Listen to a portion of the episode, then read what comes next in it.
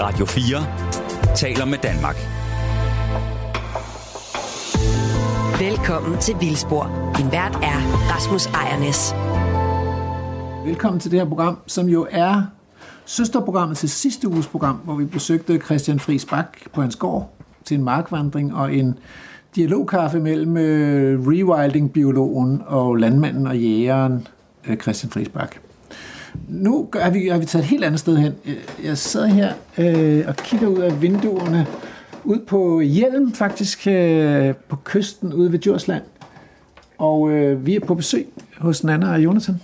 Tak fordi vi må komme. Jamen, tak fordi I vil.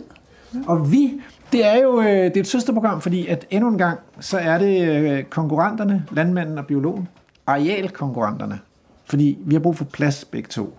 Og biologen, det er mig, Rasmus Ejernes, og øh, landmanden, det er dig, Marie Bosen. Ja, Velkommen, og tak fordi du vil være med. jo tak. Og her skal jeg måske sige, at øh, ja, først så tror jeg, jeg skal spørge, hvorfor vil I egentlig gerne have besøg af os? Fordi det hele startede med, at I sendte os en, en mail til Vildsportsprogram og sagde, kunne I ikke tænke jer at komme herud? Mm. Øh, Nana, kan du ikke prøve at sige lidt om, hvad, hvorfor det? Jamen, øh, det, altså det er jo fordi, vi har overtaget den her landejendom. Øh, og vi er, øh, vi er fire voksne, der har overtaget den, og to børn. Vi er to vennepar, der har købt gården sammen. Og øh, ingen af os er landmænd eller landbrugere. Så, øh, så vi har jo pludselig overtaget en hel masse jord på den her gamle gård. Hvor meget jord? Øh, 14,5 hektar. Og 12 af dem er økologisk landbrugsjord. Og, øhm, og det kan vi jo godt lide, at det er økologisk landbrugsjord, men vi har stadig bare et stort spørgsmålstegn ved, at vi er faktisk ikke så interesserede i at dyrke jorden, i hvert fald i sådan traditionel forstand. Øh, hvad kan vi så gøre ved den her jord, gøre med den her jord, men også sådan, altså også ud fra sådan en, øh, hvad skal man sige, sådan et stort spørgsmål omkring, hvis vi lader være med at sætte os selv først, men ligesom tænker på jorden først og fremmest, hvad giver egentlig mening at gøre øh, for jordens skyld lige nu. Så vi sidder jo nu som jordejere, som helt nye jordejere, og føler et kæmpe stort ansvar for den her plet, vi, øh, vi pludselig ejer. Og øh, det er vi sådan vildt nysgerrige på at finde ud af, hvad gør man bedst lige nu, hvis, øh, hvis man har jord. Ja. Og, øh, nu ved jeg, fordi vi nåede lige at tale sammen, inden, inden du fik tændt for mikrofonen, at jeg ved, at I har boet ude på friland, så det, det der med bæredygtighed, det er, ikke noget, det er ikke nyt for jer. Det er ikke noget, der lige er opstået nu. Det kommer ikke direkte ind fra, fra Stenbroen. nej, nej, det gør vi ikke. Altså, vi, øh, jeg er også opvokset et sted, ligesom her, og øh, vi, er, vi er fire og sådan opvokset lidt forskellige steder i Danmark, men vi har brugt de seneste år i Island, øh, hvor vi har boet i en lille bitte fjord ude i midten af ingenting. Og øh, jeg tror, det er bare helt naturligt for os at tænke os selv som i samspil med naturen, men også tænke på, hvad er det, hvad er det for et ansvar, vi har over for den natur, vi er omgivet af? Altså, hvad er det for nogle aftryk, vi gør? Øh, men hvordan er det også, vi kan ligesom øh, give noget tilbage til de omgivelser, vi ligesom er en del af? Ja. Og altså, øh, ja, man, vi, vi kan skrive under på, at I flyttede ud på landet her, fordi øh, der skete jo det, da vi ankom, at Google Maps ville have os ned ad en lille markvej, som øh, så, så ud til at føre op til gården her. Men der må du simpelthen, fordi du stod og holdt øje med os fra vinduerne, ringe til os og så sige, det, nu kommer I meget snart, I kører lige direkte ned i åen, hvis I fortsætter. så, så tilbage igen, øh, så, så tak for hjælpen til at komme frem. Men I er altså ikke bange for at bo på landet? Nej, overhovedet ikke. Altså vi, øh, altså, vi har også boet i byerne en gang i fordomstid, men, øh, men, øh, men vi flyttede herud, fordi vi, vi faldt over området. Vi kom fra Island til Danmark for et par år siden, og, øh, og faldt sådan tilfældigvis for det her område, fordi vi havde nogle venner, der boede ikke så langt herfra. Og så øh, tog vi bare herud en sommer, og havde egentlig ikke planer om, at vi skulle flytte fast tilbage til Danmark. Øh, men, men havde bare en sommer herude, og fandt ret hurtigt ud af, at her havde vi lyst til at bruge mere tid. Og da vi kom her for et par år siden, så, øh, så alle de lokale, vi mødte herude i, i, i området, de sagde til os sådan, ah, der er simpelthen et sted, der lige er blevet solgt i 19, som vil være perfekt for jer. Og det var det her sted. og vi, øh, så, så det her sted har ligesom været i vores bevidsthed de seneste år. Vi kørte forbi ude på vejen, og vi cyklede forbi og badede rigtig meget nede øh, på stranden, der ligger lige her øh, foran huset. og ligesom gået og kigget lidt på det her sted og sagt til hinanden, sådan, at måske om 10 år, 20 år, når det bliver solgt igen, måske på et eller andet tidspunkt, kunne, øh, kunne det blive vores det her. Jeg har padlet, øh, jeg ror, så jeg har padlet her nede på åen også, også nogle gange for ligesom lige at, at tjekke det lidt ud, for at komme lidt tættere på ejendommen. Så vi, det er ligesom sådan et sted, der har været sådan ret øh, præsent i vores bevidsthed. Og så var vi flyttet i et, øh, i et lille bitte dejligt halmhus på Friland, hvor vi øh, har elsket at bo de sidste par år. Og så, øh, så kom det her sted lige pludselig til salg meget hurtigere, end vi havde regnet med. Og så var vi bare nødt til at, at flytte herud og tage springet. Ja. Men vi er jo heldigvis, øh, ja, som jeg sagde, købte med nogle venner, så vi flytter heller ikke herud helt alene. Og det er også en del af, af drømmen. Det er, det er ikke at bo selv.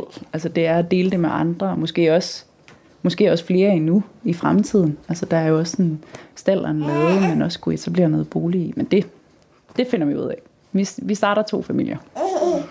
Og øh, finder ud af, hvad vi skal med det her sted. Der er mange idéer og drømme, men øh, der er også meget tid, heldigvis. Og det, man hører i baggrunden, det er øh, jeres datter Dea, som også charmer sig lidt ind på Vildsborgs lytter. Øh, ja. Simpelthen. Hvor gammel er hun? Hun er 10 måneder. Wow. Ja. Ja. Så hun er med alle steder. Godt. Men øh, lytterne kender jo mig, men lytterne kender ikke dig, Marie. Og jeg, jeg har simpelthen fundet dig på marken, der hvor jeg bor. Ja. Det er faktisk øh, tæt på at være, øh, være sandheden. Ja. Så du er rykket ind øh, i andelssamfundet Hjortshøj, som jo er sådan et økosamfund, og, øh, og har lejet et lille stykke mark for at dyrke grøntsager. Ja, det er sandt. Øh, Hvorfor har du gjort det? Ja, men øh, jeg, jeg er opvokset på et landbrug i Sønderjylland og blev faglært for et par år siden. Så jeg har været højskolelærer på Fyn et par år, og efter de år som højskolelærer, der savnede jeg at være praktiker igen. Så flyttede jeg til Aarhus, og så gik jeg ellers i gang med at netværke, og så fandt jeg frem til andelssamfundet, og så er det gået hurtigt. Så har jeg fået lov til at drive noget jord, og nu er jeg simpelthen ved at sætte et lille gardneri op i virkeligheden.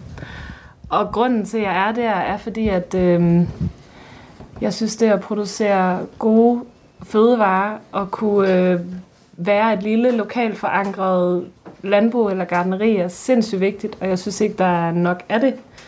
Og for mig er det, det er fuldstændig altafgørende for mig at, at kunne øh, føre noget i livet. Jeg synes, der er rigtigt. Ja, og fodre nogle mennesker med noget, jeg synes er godt. Ja, jeg, jeg har hørt, så du udtalt i avisen, ikke, at du har sjældent haft så mange bedsteforældre. Det, er jo- det er jo så også halvgamle øko, økobeboere. De er vi er til gengæld utrolig glade for at have fået et barnebarn, ja. øh, som, som går og roder ud i jorden, fordi ja. på et eller andet tidspunkt skal der jo ske et generationsskifte. Mm. Øh, jeg, jeg må jo sige som biolog, ikke, da, jeg, da jeg flyttede ud fra København og havde læst på Københavns Universitet, der flyttede jeg jo i økosamfund, fordi jeg ville det der selvforsyning og permakultur og være god ved jorden og dyrke nogle sunde fødevarer og sådan noget. Det har så også måtte, bare måtte sande det, at der, der, går- man skal jo stå tidligt op, altså. Ja, Det altså, det, det er sådan nogle grøntsager, de kommer jo ikke af sig selv. Nej. Eller det gør de på en måde, men, men, men, men hvis man skal undgå, at det ikke er kvik, og Ja. der, der er meget kvik i vores jord. Der, i Aarhus. er, der ikke, det? er, er det ikke rigtigt? Der er rigtig meget kvik. Okay.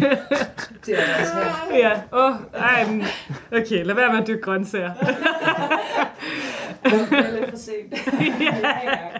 ja. Øhm, ja, jamen altså, øh, det, er jo, det er jo rigtigt. Ja. Ja. Og altså, absolut det der med, at det tidskrævende, det er jo mega sandt, og, øh, og det er alt jo med jordbrug og alt, der ligesom kræver, at man arbejder med et landskab, det, det er mega tidskrævende. Og, og på, hvis man vil forme det, eller hvis man vil producere mad, så er det jo bare benhård landbrugsdedikation fra tidlig morgen til sen aften, og det skal man kunne lide, den livsform. Men det er jo meget skægt, fordi i andelssamfundet i Hjortøj, der har vi jo sådan en, jeg tror 17 hektar, og noget af det skal måske udstykkes, så der ligger et par søer i det og sådan noget, så det er jo ikke landbrugsjord det hele. Øh, men det er jo meget sådan i størrelsesorden, det som I også har her. Ja. Men hvor meget af, du, af det har du lavet? 6.000 kvadratmeter, så det, Det er jo under en hektar. det er bitte, bitte lille. Det, Men kan man producere noget som helst på det? ja, altså helt overraskende mængder fødevarer. Kan, jeg kan ikke sige, hvor mange ton mad jeg kommer til at lave i år, men det er rigtig meget. Det, øh, Men det lyder som effektiv øh, fødevareproduktion. ja, jamen, vi kan godt kalde det effektivt. Intensivt måske endda. Men du sprøjter ikke, vel? Fordi det er jo et økologisk øh, samfund, jeg bor i. Nej. Det gør du ikke. Nej, Nej. kun med er knofedt. kompost til. Med kompost te. Okay. Vi sidder og drikker urte te her. Så Nå, men altså, er I friske på at, at gå en markvandring med os øh, og vise os jer sted? Det er i hvert fald. Jamen, det vil vi meget gerne. For, for ellers kan man ikke komme med nogen forslag til, hvad man kunne gøre. Ja. Ja. Shit. Det, Lad os gøre det. skal, vi, skal vi også have en spade med, og sådan kunne grave, for det er jo sådan ret sandet derude og læret der. Det og sådan, kunne være Ja. mega fedt at lave nogle spadestik. Ja, Ja. Vildspor et spadestik dybere.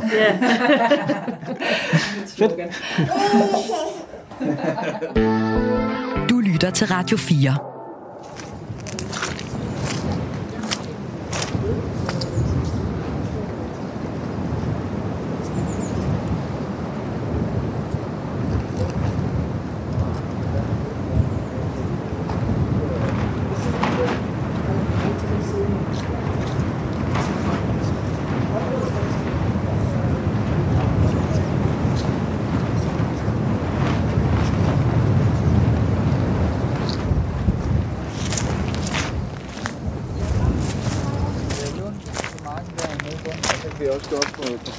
Altså nu står vi lige og taler om, øh, om øh, og lægger en plan for markvandringen, fordi vi har jo ikke, vi ikke nå at se alt. Øh, vi står midt imellem bygningerne, og nu vi har jo kørt herind, og jeg kan sige, at øh, jeg får sådan en øh, følelse af at være hjemme, fordi det er sådan øh, lidt økosamfundsagtigt. Der er mange aktiviteter rundt omkring, at der ligger bunker med kvæs, og der ligger lidt plastik her, som man har brugt til et eller andet, og der er nogle gamle hegnsledninger, og nogle gamle hegnstolper, og det hele taget sådan lidt præg af, at man har man smider ikke ting væk, og man rydder heller ikke nødvendigvis op. Og det er jo ikke noget af det her, som jeg øh, øh, beskylder jer for, for I er jo lige flyttet ind. Så, men jeg kender det derhjemme fra Hjortshøj, at der er nogen, der sådan, de synes, det er sjovt at gå tur i det der økosamfund, men de synes også, at der, man kunne godt rydde lidt mere op, ikke? og det ville de gøre derhjemme i deres parcelhuskvarter, hvis det var dem, der havde det. Ikke? Så det, jeg føler mig meget fint hjemme. Er det en okay indledning, Andrew? Det er da fint. Okay, det er godt. I ser heller ikke sure ud. Men øh, lad, os se, lad os se på det. Og øh, som vi talte om, øh, så er der jo faktisk en del af jeres ejendom, som ligger på sådan noget lavbundsjord. Lavt og fladt og en gang mose. Og så er der noget, der ligger på sådan en lidt mere moræneagtig jord. Skulle vi egentlig have en spade med? Fordi ja, I, Sådan en hulspade, vi har. Jamen, det må vi godt. Skal vi ikke tage hul øh, spaden? Er det ikke smart? Til, øh,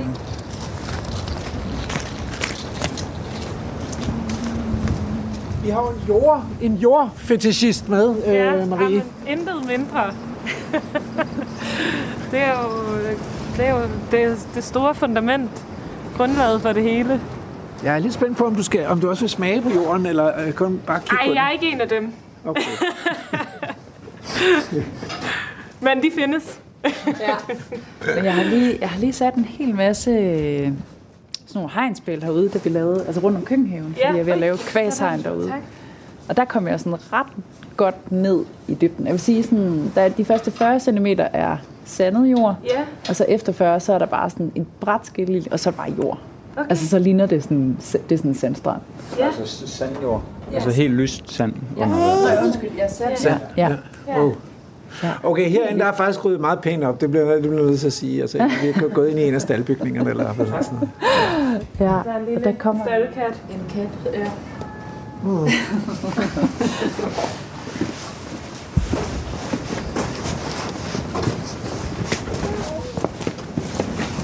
Nana, øh, ved du, hvad der er sket sådan landbrugsmæssigt på denne her jord, før I købte stedet? Øhm, nej, altså vi ved, at den her jorden har været drevet økologisk siden 96. Ja. Øhm, og vi ved, at der har været får her. Mm-hmm. Af den, ikke, ikke, ikke øh, den ejer, vi købte gården af Søren, men den tidligere ejer, Okay. som har boet her øh, vist nok i mange, mange år. Han havde får her på stedet. Ja. Øhm, og så købte Søren ejendommen i 2019, og han, øh, han har græs, som der også er på markerne nu. Ja. Det havde han til hans øh, skotsk højlandskvæg, som også gik på markerne og afgræsset. Ja. Så der har faktisk været permanent græs på landbrugsområderne siden 19. I hvert fald siden 2019. Ja. ja. Dejligt. Hvorfor er det dejligt? Jamen, det, det tyder på, at der har, været, der har ikke været en plov i jorden siden 19. Og der har været et plantedække. Og øh, der har været nogle afgræssende dyr. Og allerede der, så begynder det at smage af jordfrugtbarhed. For mig i hvert fald. At der, der er en jord, der har fået lov til at opbygge noget kulstof. Og der har været nogle græsser og øh, efterladet nogle klatter. Og være med til at omsætte noget af det her græs til noget noget gødning, og i sidste ende også noget ja, kvælstof og kulstof. Og mens de lige står og svømmer hen over dette perspektiv med jordfrugtbarhed og regnorme, så står jeg og svømmer lidt hen over, at vi, vi ankommer til et sted, hvor der står rigtig mange store træer, altså, faktisk. Så der, jeg kan se en rød el derovre, hvilket tyder på at have det fugtigt. Ikke? Så er der en hestekastanje, tror jeg, og så er der nogle asketræer. En del asketræer, som er mange stammede. Det vil sige, de har været stævnet på et eller andet tidspunkt sikkert. Og så er de vokset op og blevet ret store. Og det der øh, flerstammede asketræ derovre er jo fuld af laver. Altså der vokser laver på, på stammen, ikke? Øh, det bliver man også sådan lidt varm om hjertet af som biolog. Øh, og så står der måske også et bøgetræ deromme bagved et par stykker faktisk.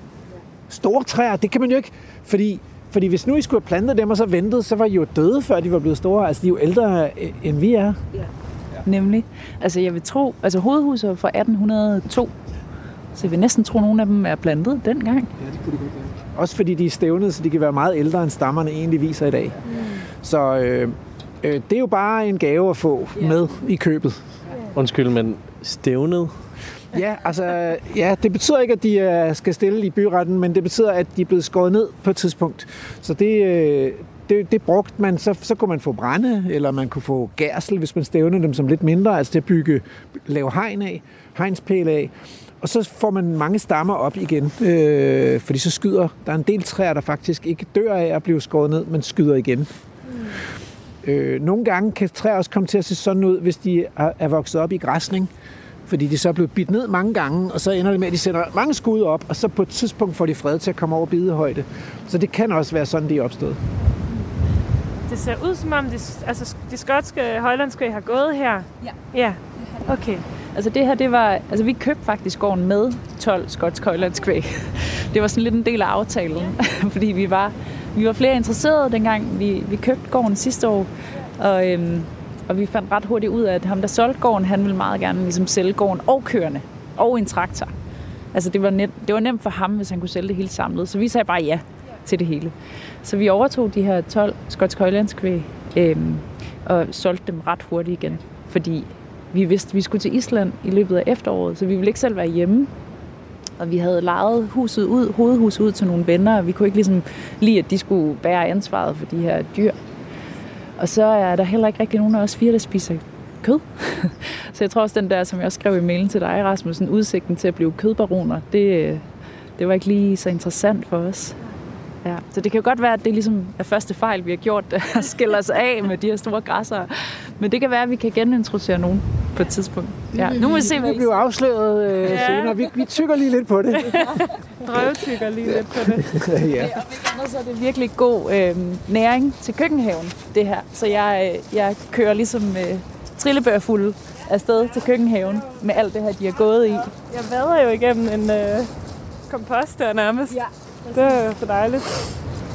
Nu har det så også regnet ret meget, men man fornemmer også, at det er lidt, det, det, kan godt, det kunne godt være lidt fugtig jord her.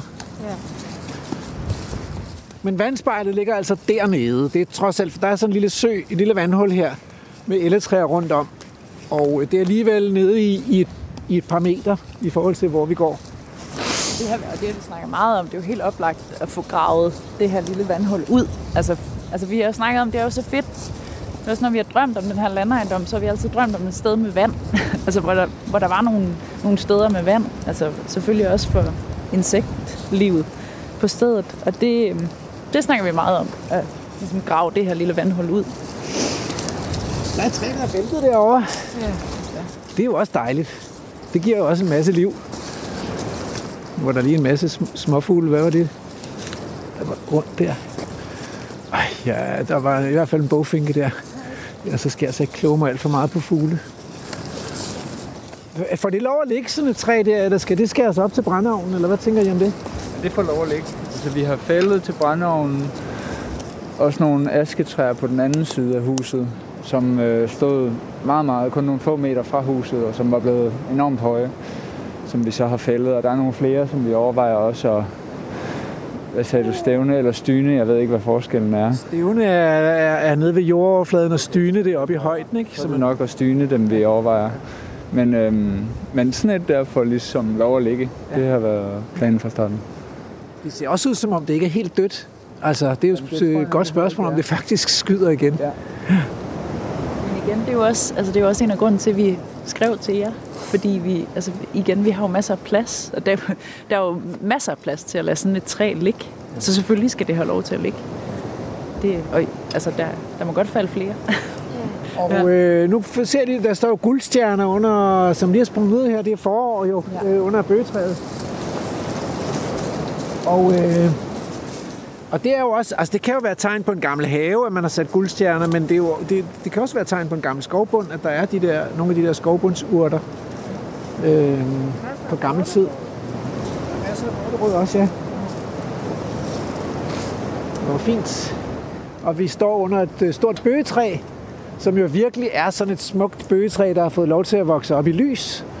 Det vil sige, det er blevet øh, et elendigt tømmer, øh, men til gengæld et smukt træ, der har grenet sig ret lavt over jorden, og, og hvor der sådan er begyndt at se ud, som om der er begyndt at gå lidt hul i det. Øh, det får sådan nogle, sådan nogle grenkløfter og sådan nogle øh, gamle huller efter udgået grene, som på et eller andet tidspunkt bliver, bliver bo for flagermus, ikke?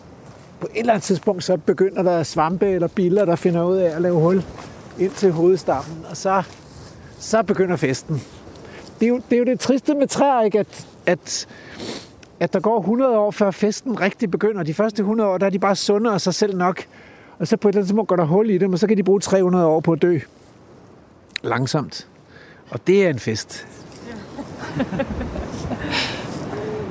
Men det er som om, at det er sådan, øh, det er sådan et lidt højere beliggende, sådan næsten sådan en ø i landskabet, vi har gået rundt på her med store gamle træer på.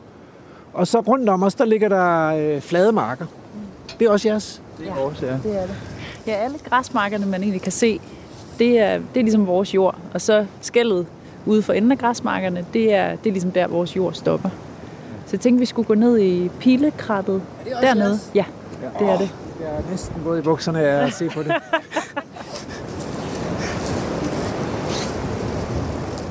Apropos våd i bukserne, så hvis der nu er nye lyttere, så er det måske meget fint for dem at vide, hvad det er, vi render rundt og laver.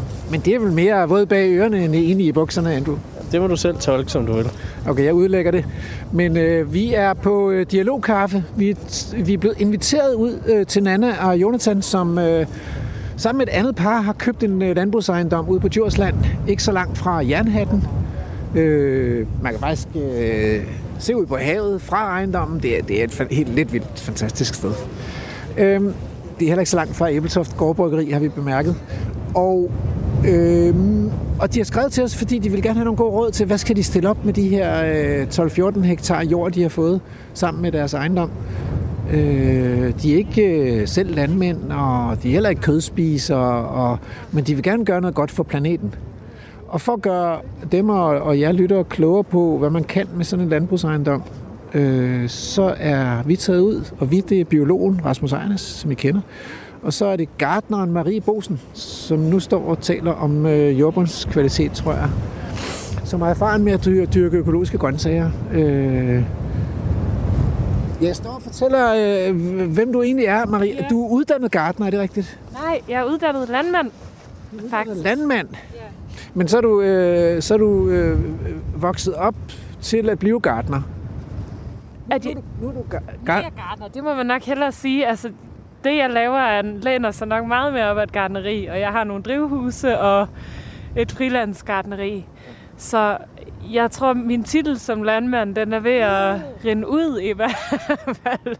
Nej, og vi... landmand, der tager alvorligt. Dine maskiner er for små. Præcis. Alt alt for små, og min jord er for lille, og, og så videre. Men jeg er opvokset i et øh, økologisk landbrug i Sønderland, hvor der også har været kødkvæg og frilandsgrise og kornproduktion, og ja, har en baggrund med det, men har bare forelsket mig i det der med at dyrke grøntsager. Og så en ting mere, jeg synes, vi godt spørge til øh, regenerativ landbrug, har jeg hørt komme ja. ud af din mund. Øh, men jeg er ikke sikker på, at jeg faktisk ved, hvad det er. Kan du ikke bare sige det kort? Ja. Regenerativ landbrug er sådan en, øh, et forsøg på at øh, bygge oven på den økologi, vi har i dag. Man kan sige groft sagt, så er økologisk landbrug jo et konventionelt landbrug, hvor man øh, undlader at benytte øh, kunstgødning og øh, sprøjtemidler, og man giver dyrene nogle bedre forhold. Det er sådan meget groft set. Og, øh, og regenerativ går så skridtet videre og siger, at vi skal ikke bare undlade nogle ting, vi skal også opbygge nogle ting og forbedre de forhold, der er.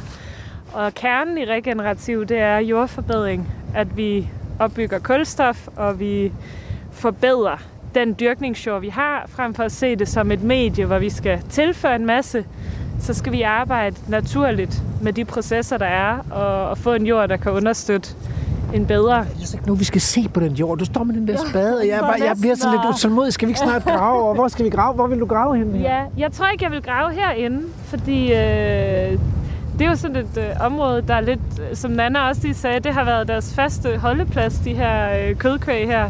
Så jeg tror egentlig, det vil være sjovere at prøve at grave ude i en af markerne. Det gør vi. Ja. Der er ikke strøm på. Nej, Nej, det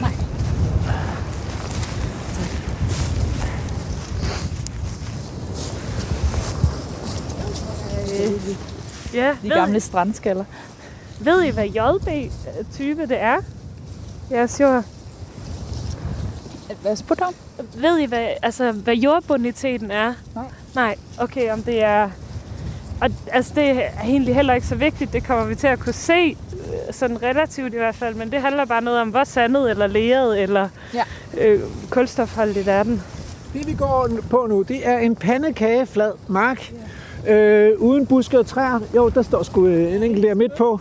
Øh, men, øh, og, og så er det en, en græsmark, der er virkelig, virkelig, virkelig meget græs. Danmark er jo verdensmester i græs. Øh, det- det er også, man køber øh, fodboldbaner af, øh, hvis man skal have noget. Og vi er virkelig gode til, at, til græsfrø i Danmark. Og vi er også gode til græsmarker og græsplæner. Øh, og det her, det er, der er sgu ikke meget andet end græs. Så det er jo lidt en ørkenvandring for en biolog. Men derfor kan jordbunden jo godt være god. Ja. Skal vi starte grav? Jo, skal vi, øh, skal vi lave et spadestik? Ja. Der er vi. Åh, oh, den er dejlig løs i hvert fald. Det er ikke som øh, hjemme i jordtøj, hvor man... Øh, Tung lærjord. ah, men altså... Tung lærjord, klik. Det er altså... Og så laver man simpelthen bare lige en fin lille...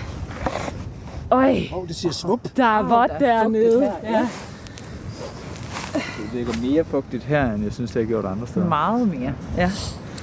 Og når man kigger Det på de gamle, øh, gamle mål, høje målbordsblade, så kan man se, at i gamle dage, der var der altså enge og moser her. Altså det første, man jo bider mærke i, det er, at det er sandet. Ja. Det er sådan en øh, grov struktur, der, der falder fra hinanden hellere end at sidde sammen som ler. Og øh, der er mange landmænd, som synes, at sand er det arveste. Det skal man ikke dyrke på. Men det er mest dem, der er interesseret i store udbytter med hvede og så videre. Jeg synes, sand er rigtig fint at dyrke på, og det giver et sådan et øh, medie, der er let at arbejde med i virkeligheden, hvor ler kan være meget mere besværligt. Så den dejlig mørk, og det tyder på et højt indhold af organisk materiale af en eller anden art i hvert fald. Det er den gamle mosejord, tror du Ja, ikke det? Kunne det godt være det? Det tror jeg nemlig også, det er. Og så er den fugtig. Virkelig fugtig. Og så kan man jo kigge lidt på, hvis man begynder at grave ind her. Det var en regnord. Han regner om. det er fantastisk. Og øh, Det var en ringorm. Ej. der er et dejligt øh, aktivt rodnet. Og øhm, der er sådan lidt tendens til noget krumme også. Landmænd snakker rigtig meget om krummestruktur, og det er sådan den, det er virkelig ønskejorden. Det er noget, der minder om en krummet brownie-dej. Okay. Og det er øh, krummestruktur, det er simpelthen tegn på øh, mikrobielt liv, altså og stort indhold af kulstof. Og krummerne viser, at der er øh, hvad skal man sige, at den her luft, den både er, eller den her jord både bliver godt beluftet, den øh, dræner også godt, men den har stadig evnen til at holde på næringsstoffer og fugt. Så den har alle de kvaliteter, man vil have af en jord. Så krummestruktur er virkelig dejligt, og man kan se, at der er mere krumme omkring rødderne, og når vi så kommer ned her, hvor der ikke er rødder, så bliver det mere kantet og mineralsk udseende. Og det er simpelthen fordi, at der er mindre liv længere nede i de dybere jordlag, mm. men til gengæld en masse øh, mikroliv her.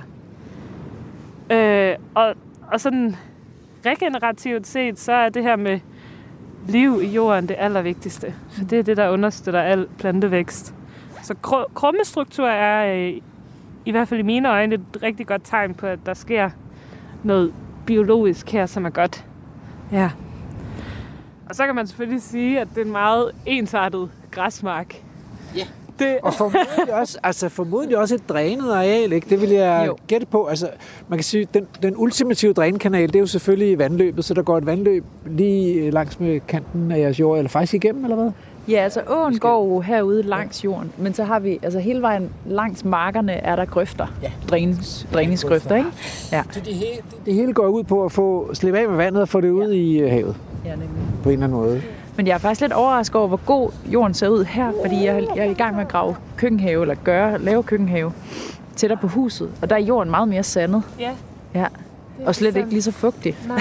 Så det kunne være, at jeg skulle flytte køkkenhaven herned, selvom det er lidt langt væk. Ja. Men den bærer altså også lidt præg på, at der er noget grundvand, der står enormt højt Ja. her. Og altså, man kan ligesom se, at rodnettet stopper nærmest Ja. bræt. Og det er nok fordi, at iltforholdene ikke er... Der er ikke ret meget ilt Nej. længere nede i jorden. Så man kan sige, at den, den er god her, men du har også en meget lav dyrknings... Ja. Øh, altså, man har jo ønskeligt, at man kan have meter dybe rødder. Ja. Men det er nok svært at få her, hvor der er så... Altså ja, den er jo lige der nærmest, mm. vandspejlet. Øh, ja, så det har både sine ulemper og fordele, Ja. egentlig. God Ja. vandforsyning til græsset, som jo i øvrigt ikke, typisk ikke har lige så dybe rødder som nogle af de andre planter, som jo virkelig kan gå langt ned. Ja. Ja. Nu er der næsten ikke nogen, der kan se, at vi har været. Det går nok. Vi er jo på vej ned i Pilemosen. Jeg siger det bare.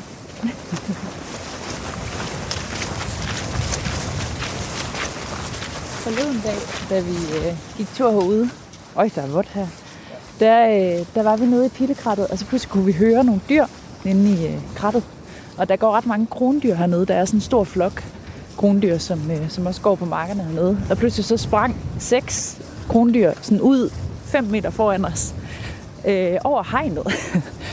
og så stoppede de op og kiggede lidt på os, og så sprang de videre, og vi, vi er jo, altså, vi er jo sådan omgivet af hegn herude på de her marker, så det, det var bare så flot at se dem sådan springe hen over de her hegn. Det var jo ikke noget problem for dem at gøre det. Men bare sådan, ja, helt fantastisk. De kom så tæt på. Jeg ser, om de er hjemme i dag. Nå, men så kan I jo lege jagten ud. Det var noget af det første, jeg blev spurgt om. Jeg øh, drak kaffe med landmanden, som har nogle af de marker lige på den anden side af vores, øh, af vores marker, på den anden side af åen. Og jeg drak kaffe med ham for nogle uger siden, og han, øh, han spurgte selvfølgelig også om, hvem der skulle have jagten hernede. Og jeg, øh, jeg, altså, jeg grinede bare og fortalte, at vi, øh, vi, at hernede det bliver sådan et helle for krondyrene. det bliver det eneste sted, hvor de er i sikkerhed her på vores jord. Men det synes han ikke var, øh, synes han ikke umiddelbart var så sjovt. Som han sagde, så var han ret træt af, når de ødelægger hans marker sådan en uge før høsten. Det kan jeg jo godt forstå, men øh, der har vi nok bare lidt forskellige holdninger. Altså uden at, uden at øh, tale ondt om jægerne, så kan man sige, at de, de er jo nogle gange sådan lidt ambivalente, fordi de på den ene side fodrer dyrene for at lokke dem til, så de kan skyde dem. På den anden side øh, beklager sig over de dyrene, fordi de ødelægger deres øh, marker. Ikke? Så i virkeligheden så er situationen nok den i Danmark, at hvis man holdt op med at jage krondyrene, så vil bestanden 10-20 dobles i løbet af en kort årrække. Så det er en stærkt reguleret bestand. Der er faktisk nogen, der kigger på os. Ja. Jeg kan i hvert fald lige se nogle haler og et eller andet.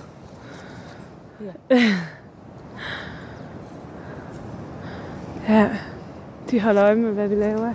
Det gør de. Ja. Det er hyggeligt. ja.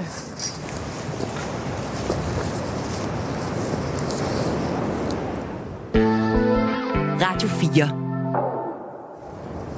Og så har vi træerne her til højre med. Mm-hmm. Alle de høje træer, du kan se. ja. Og så øh, den sydvendte mark op bag træerne. Så I har også bakken der. Ja.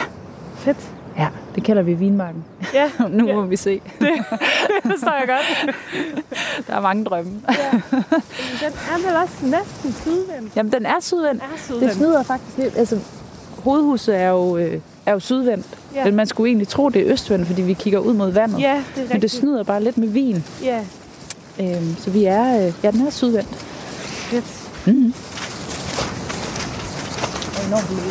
Ja, Den er helt, sjovt. helt anderledes end hernede. ja. Det er fedt, I har lidt, øh, altså, I har noget forskelligt at, at Ja. arbejde med. Ja, det er præcis. ikke bare øh, 14 hektar. Vist øh, vådområdeprojekt. Nu står vi og kigger ind hos naboen her. Man kan godt få fornemmelsen af, at det, det er virkelig lavbundsjord, vi går rundt i her, ikke? Ja.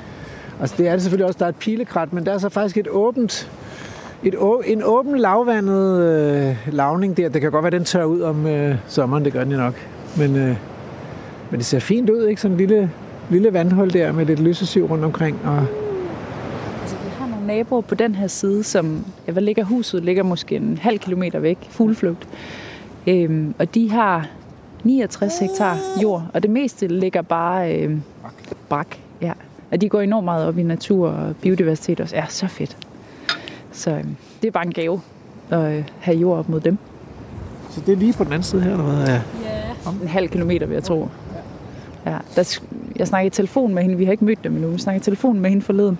Hun sagde, at i gamle dage havde de sådan en nabosti imellem de to ejendomme, altså ejendommen her og deres ejendom. Og spurgte, om vi ikke skulle genetablere den. Det lyder bare hyggeligt. Det er igennem noget skov og noget eng og sådan. Det lyder vildt dejligt.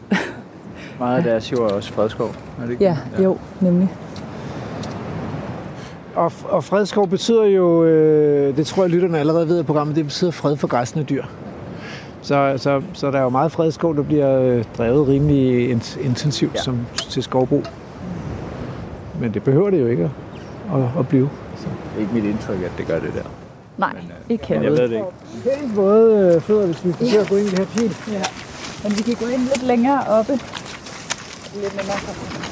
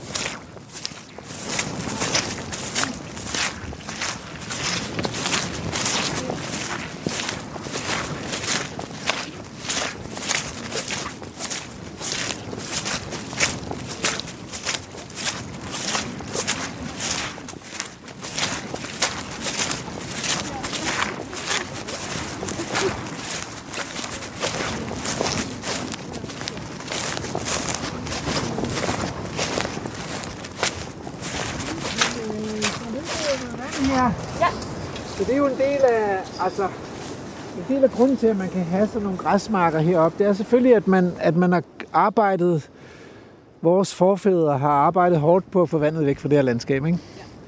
Øh, så det løber i en grøft her, og så må det jo så løbe ned til en større grøft, og så formodentlig ud, til, ud i åen og ud i havet. Og det er sådan, det kører. Det er også første gang, jeg ser bevægelse i vandet i den her grøft. Altså, men det må jo også, som vi lige gik og snakkede om, være fordi det har regnet så meget.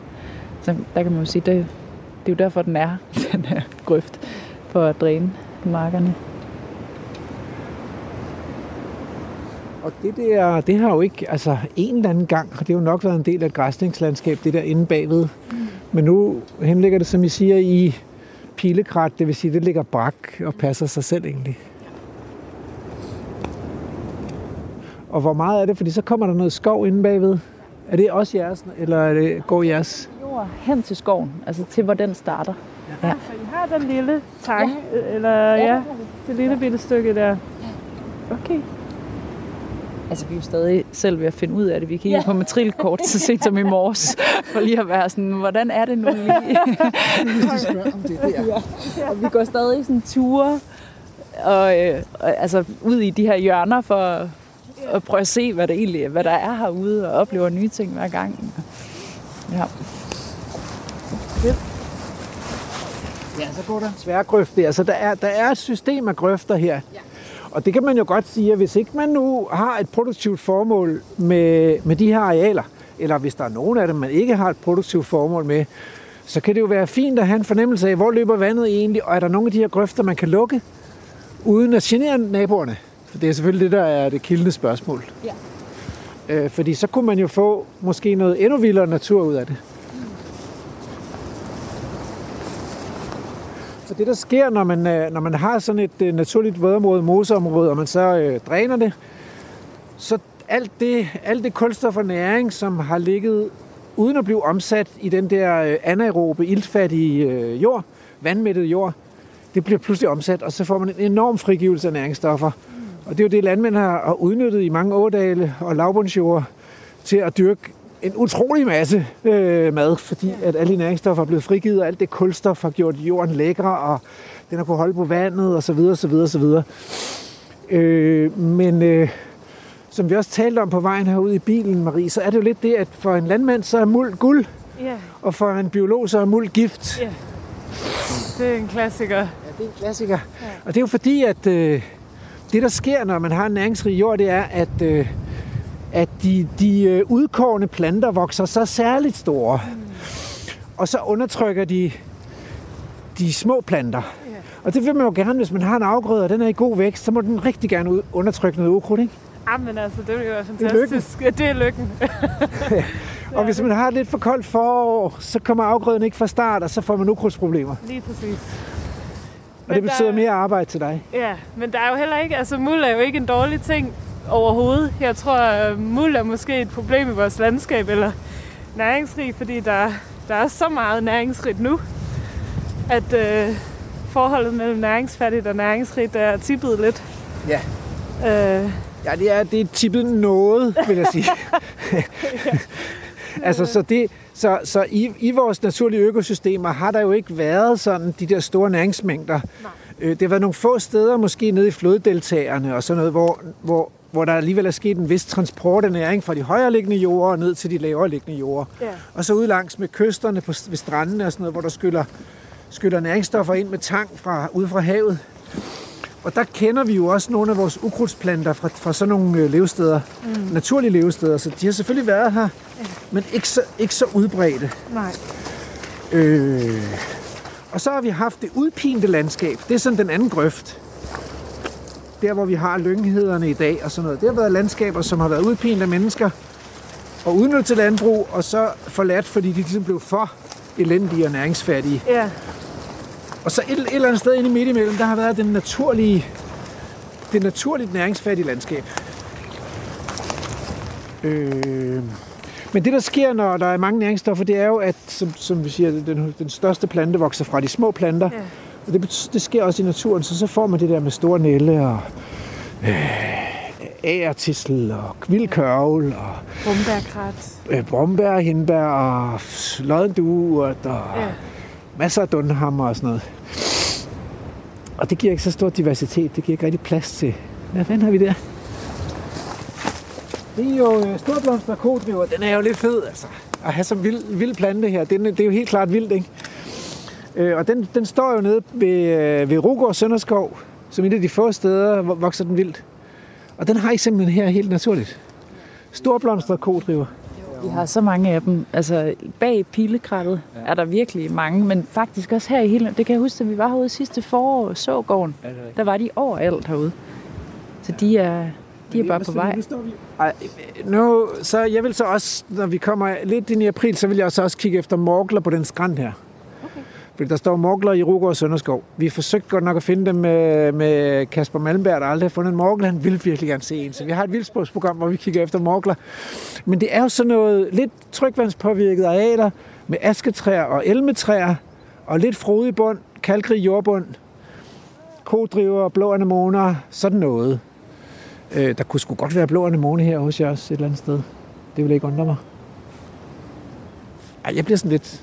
Bare det var mig. Ja, jamen, det er virkelig lækkert. Det er, Det må... Altså, hvad er det? En gammel... Øh, en, er det den gamle litorineskrant, kystskrant i virkeligheden? Havet har sikkert gået helt herinde på det lave. Og så er det simpelthen den gamle kystskrant, der står der. Med asketræer, og er der lidt hasselbuske, og lidt hvidtjørn, og... mange brumbær på den anden side. Der er det der store brumbærkrat, som vi snakker om. Ja, det har vi også meget af. Ja. Jeg ved ikke, der, gik en, der går en sti heroppe, men jeg tror faktisk, den er for groet til, til vi kan gå derop. Så jeg tror, vi skal ud på marken. Ja, så noget fed vild natur det her. I kan bare gå ud på marken, så bliver jeg lige herinde. Lige, jeg skal lige, jeg skal lige snøves lidt rundt. Nej, men det, øh, det ser virkelig godt ud. Ja, vi kan faktisk bare fortsætte lige her.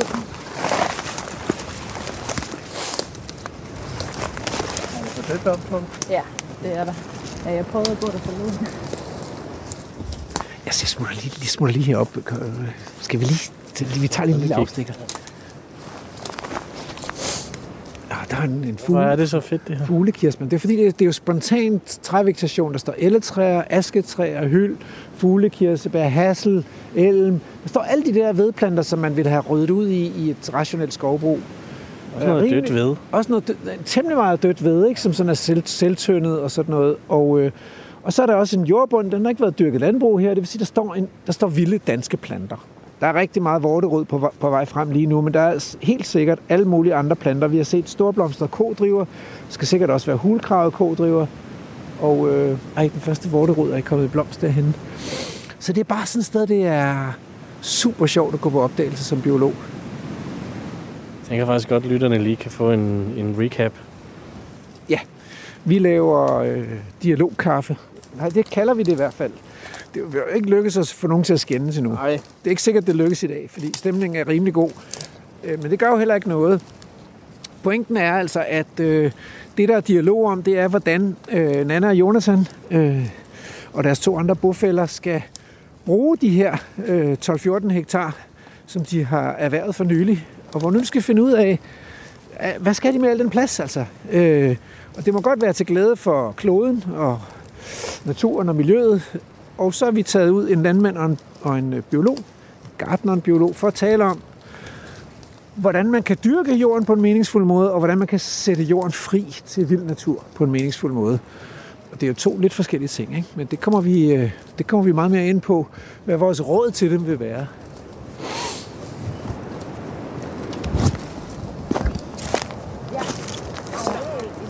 det er jo dejligt at kunne give råd, uden at man selv skal tage ansvaret for at føre dem ud i livet. Ikke? Så når vi har givet alle vores råd, så kører vi bare hjem igen og holder weekend. Så hænger de på den. Det er jo ikke dumt. Det, det er vel konsulentarbejde i en nødskal. Ja, præcis. Altså, præcis.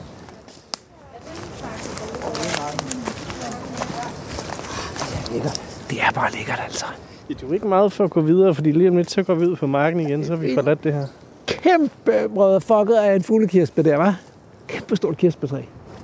Det med den mørke bark der, ikke? Ja. Og, så, og så nogle virkelig flotte, forgrenede, med furet bark bøgetræer, ikke? Hvor man kan sige, der er ikke mange bøgetræer i danske skove, der ser sådan der ud. Der er der altså ikke. Lækkert.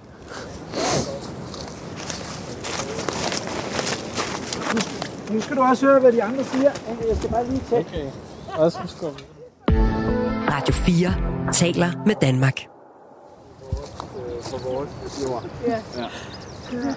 Nu er Rasmus ved at gå fuldstændig Jamen, stave over det der, men hvordan, altså ja. sådan fra et, fra et landmandsperspektiv, hvad- kan man bruge det der derinde til noget? Altså det går vi jo faktisk lige at snakke om, det har det faktisk været brugt. Øh, Søren, som har haft jorden før, han har simpelthen haft øh, kvædet til os at gå herinde. Og det ser jeg ikke som, at øh, de har fået ret meget næringsværdi ud af det. De har nippet nogle lavt hængende blade osv., men det har mere været for skygge og vand måske om sommeren. Så det, man kan få ud af det her som landmand, det er jo en lidt dyrevelfærd til sine græsne dyr nogle træer op af, og noget skygge om sommeren. Ja, men dejligt ser det ud også, for den sags skyld. Ja, Sagde hun, der kommer græsne dyr ind i skoven? Det er vi jo rigtig glade for os, os biologer. så, og det er jo lige præcis dyrevelfærd, at de, at de, at de kan komme ind i en, ja, og skifte temperatur og skygge og sådan noget. Det er, og samtidig så er, er det jo lidt en katastrofe med den fredskov, at man har smidt de græsne dyr ud af skoven, fordi vi mangler skovlysningerne, som rigtig mange af insekterne i skoven er knyttet til. Så, øh, og dyrene de kan skabe de der skovlysninger og opretholde det der lys. Og man kan jo allerede se her, hvis der ikke er noget græsning på, så vil træerne jo gerne vokse op tæt ved, på hinanden. Ikke? Og det kan godt give noget godt tømmer, men, øh, men, men så mangler der levesteder for sommerfuglene. Der er violer inde i skovbunden også, øh, ud over kodriver. Og violerne er jo madpakker til øh, øh perlemors sommerfuglene, som de fleste af dem lever af violer. Og, og der er jo ret heldigt stillet, så udover det er fedt, I har de gamle træer og sådan noget, det er sådan det, øh, det tidslige perspektiv, det dybe, det dybe stik i tiden, så har I så også det rumlige perspektiv, fordi lige rundt om jer, I har det der venlige nabo med de 46 hektar øh, braklagt natur, men lige på den anden side, der har I en kyststrækning med, med Jernhatten og med Rugård Nordstrand og med Altså lige omkring 1. maj, der skal man op til Rugård Nordstrand. Der står 200.000 op og og blomster deroppe. Det er så vildt, altså. Nå, og, øh, og Glatved, og der flyver jo sommerfugle, og det kan man jo ikke... Altså, det, kan, det kan ikke, man kan ikke bestille et sted, at der skal flyve sommerfugle i det landskab. Hvis jeg flyttede til Sydfyn, så havde det været en katastrofe. Der flyver, altså, Fyn er så opdyrket, så flyver sgu ikke sommerfugle mere. Men her på Tjursland, der flyver der faktisk mange sommerfugle. Så I har sikkert okkergul pletvinge flyvende rundt i haven, øh, når vi kommer hen i maj, juni måned. Ja. Det er lækkert. Ja. Mm. Men, men det vil jeg så faktisk også sige, Rasmus, at vi er enige om, hvad, hvad brugen af det her lille stykke i hvert fald, at det vil have rigtig godt af nogle store græsser. Ja, ja og der hvor, hvor, hvor så altid balladen kommer, og det ved jeg også hjemme fra økosamfundet, at så er vi høns, og så går hønsene ind i pileskoven. Så er vi grise, så går grisen ind i pileskoven. En uge efter de der grise er kommet, så er der kun sort jord, fordi de har pløjet det hele op. Og det er jo fordi, at man holder jo dyr i landbrug ved en tæthed, som er helt unaturlig. Der er alt for mange dyr.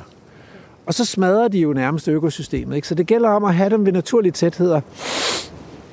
Og de fleste steder i Danmark, der er det 3 hektar per, per øh, Galloway-ko. Ikke? Så det er jo rimelig meget plads, og ikke så mange køer i virkeligheden. Altså, så I, I kunne have 4-5 køer eller sådan noget på jeres, og så skulle de gå rundt det hele. Og det ville være super hyggeligt og, og rigtig godt for naturen, ikke? Men, og måske kunne I have lidt mere, fordi der er godt nok meget produktivt græs, øh, som, som det starter ud, ikke? Men efterhånden, som der vil komme busker og træer ind, så vil I skulle sænke antallet af græsne dyr. Så man kan hurtigt sætte for mange græsne dyr ud. Hvis man tænker, begynder at tænke i produktion og udbytte og økonomi og sådan noget, ikke? Det modsatte. Der skal være et vist græsningstryk, så vi ikke får for meget busker og ting, vi skal ud og... Men det er jo, en, det er jo et helt andet perspektiv af at ja. ville bibeholde nogle dyrkningsarealer, som de, de ser ud. og, og det er faktisk det er faktisk sådan, det er lagt ind i landbrugsstøtteordningerne. Ikke? Så man, hvis når man skal have den der grundbetaling, så skal man kunne præstere et areal, og sådan, der er i god landbrugsmæssig drift. Yeah. Altså. Så skal der ikke være for meget øh, lysesiv og våde lavninger og kratværk og sådan noget. Øh, fordi man skal jo vise, at det er jo landbrug det her, ikke? Yeah. Det, er jo ikke, det er jo ikke ved at blive til natur. Ej. Altså, fy. Gud forbyde det. øh, så det er, det er nok det er lidt det skisme og grunden til, at man på en måde ikke kan blæse og have mel i munden på samme tid. Ikke? Man må ligesom vælge, hvor er det, vi skal køre noget intensiv produktion af fødevarer til mennesker, og hvor er det, man skal slippe naturen fri. Og der, der tænker jeg i hvert fald med et stykke som det her, fordi det har direkte adgang til et græsningsområde, at den måde køerne sikkert har brugt det på, har været rigtig hensigtsmæssig, forestiller jeg mig, fordi det har været et opholdssted, og de har lavet den forstyrrelse og den øh, nipning af småting, jeg tænker, der skal til, og så har de ellers hentet fodret derude på marken. Så en af, en af udfordringerne ved at have sådan et, lille, et relativt lille stykke skov som del af en græsnings, et græsningsareal er jo, at hvis dyrene går ud og æder en masse her, så går ind og skider derinde. Yeah. om, og, st- og står derinde om natten og afleverer alle næringsstofferne, så kan man faktisk godt få, få næringsforurenet øh, naturområdet. Og det er sådan lidt så må man jo observere, ikke? Øh, så lidt en kunst at få en eller anden balance mellem det lysåbne og det tilgroede.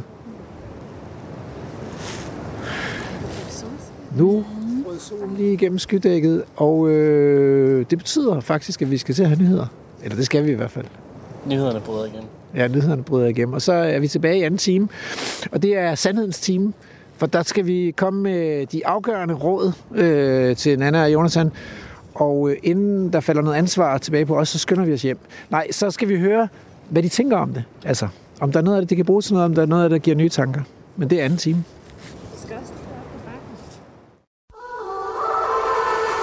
Radio 4 taler med Danmark. Velkommen til Vildspor. Din vært er Rasmus Ejernes. Du, øh, du har taget gummistøvler på i dag. Ja, jeg er utrolig glad for det. Det er, det er et rigtigt fodtøj i dag. Men er det den nye stil? Det har jeg da haft før. Hvorfor skal du altid være efter mig i forhold til mit fodtøj? Ja, okay, undskyld. Tak. Vi er på øh, Vildspors reportage dialogkaffe her hos øh, Nana og Jonathan, som sammen med et par venner har købt sådan en ejendom ude på Tjursland. Og øh, det er Marie, landmand og gartner Marie Bosen, som har stukket spaden i jorden her igen. Øh, vi skal smage på noget mere jord. Det skal Og nu er vi gået op i bakkelandskabet, så nu, vi forventer ikke strandsand nu. Nej. Man kan også mærke, at der er lidt mere modstand, men den er faktisk dejlig løs af en lærjord at være. Nu har jeg fået at vide, at vi er på en lidt mere læret jord. Det tror jeg på. Det falder ikke lige så meget fra hinanden, som Ja, men ikke hjortøjlær. det her, det er jo øh, det er rigtig dejligt, men det er virkelig interessant. I har så to forskellige jordtyper. Ja.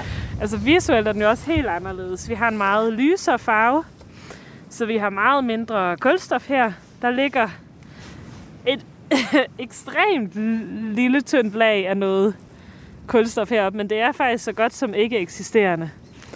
Øh, så det er en meget mineralsk jord, det her. Ja. Den er mere leret. Det kan man se, den har den der... Den vil, den kan pølses. den kan pølses nemlig. Den vil, den vil blive hængende. Hvilket er også bare dejligt.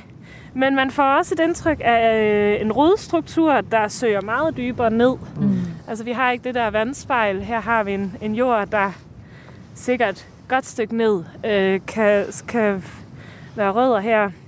Og så igen har vi faktisk, altså vi har en del regnorme og tegn på en masse regnormeaktivitet her. Og vi har lidt krumme også, den her, altså det er lidt mere kantet jord generelt, og det er tegn på, bare fordi der er mindre organisk materiale, men der er alligevel en form for struktur. Det er ikke en samlet lerplade, vi hiver op. Så der sker noget liv, men der er meget, meget lidt organisk materiale her til gengæld. Øhm, ja, men dejlig jord. Det er jo sådan en... Det er jo sådan noget, man kunne rigtig dyrke noget på. Mm. Den kunne... Øh, du siger noget, er der så noget, der er bedre end noget andet? Jamen altså, jeg tror bare, i forhold til den, det, den gamle øh, strandbund dernede, der, der, der gik jeg i hvert fald og tænkte, det, det er nærmest i mit, mine øjne kun græs, mm. der kan gro der. Men her, der kunne man have et sædskifte, og man kunne... Hvis, Det har man ikke. Der er kun græs. Er kun Og græs. Og græs. Men den græs ser også utrolig glad ud heroppe. Den er jo, man ser tydeligt, at den er længere heroppe. Både fordi det er en sydvendt skråning, der er bedre jordbundsforhold, der er dejlig ler, der er dybere rodnet. Dernede, der var den flere uger bagud. Den er også mørkere grøn heroppe, Ja. ikke? Det er, den er glinsende grøn, det som. Den- rejgræs nu er. Ikke? Altså, det, det er rejgræs, og der er hvidkløver også i bunden her. Yes. Øh, så der kommer også noget kvælstof ned i jorden ved den her lejlighed med det her kløvergræsskifte her. Ja. Det er sikkert øh, godt landmandskab, men i guder var det en, en ør, biologisk ørken. Ja, det er det godt nok. der er lidt kløver, Rasmus. Nu må du... Det blomstrer også på et tidspunkt. Det er hvidkløver. Hvis vi endelig skal vælge, så vil vi godt have noget rødkløver i stedet for. Nu, nu sprang vi lidt hurtigt ind i den her time her, fordi at vi begyndte at grave i jorden. Så måske Ja. ja. du lige, sådan, lige skal have lytteren med her. Ja. Vi er på vandring, øh, og vi bliver ledt på vej af Nana og Jonathan og lille Dea, som øh, holder sig måske lidt vågen, eller måske er hun tager en lille lur. I hvert fald øh, så er vi på vandring på deres øh, nyerhvervede landejendom. Med bakker og lavtliggende engstrøg og øh, skræntskove, og nu kan vi se ud over havet her ved Djurslands kyst ud til Hjelm. Vi kan se jernhatten tårne sig op foran os, denne legendariske kalkbakke. Og øh, ja, vi er ude for at sondere terrænet i forhold til, hvad kan man gøre, hvis man gerne vil hjælpe planeten Jorden med at trække vejret lidt friere, og man har købt sådan en 12-14 hektar. Var det 12 eller var det 14? Det er 14. Det er faktisk 14. Jeg har gjort dem lidt mindre ved at, øh, undervejs i den Men- her udsendelse. 12,5 af dem er det her økologisk landbrugsjord. Okay, Og så har vi to, som bare er natur. arealet omkring huset. Der. Ah, på den måde, ja. Yes. Og nu kommer vi ned til den der markvej, som vi havde lidt svært ved at finde, da vi skulle besøge og køre ind. Men nu... Og så dernede, der ligger, øh, der ligger åen. Hvad hedder åen? Den hedder Havmølleåen. Havmølleåen. Ja, det er den, der går op til Stubesø. Herfra. Og våd, våd om, altså jeres lavt liggende engstrøg, jeg kunne se på kort, har i gamle dage hængt sammen som et stort vådområde, der går helt op til Stubesø. Et kæmpe stort vådområde, faktisk. Det er ret vildt. Skal vi gå ja, ned på mange her?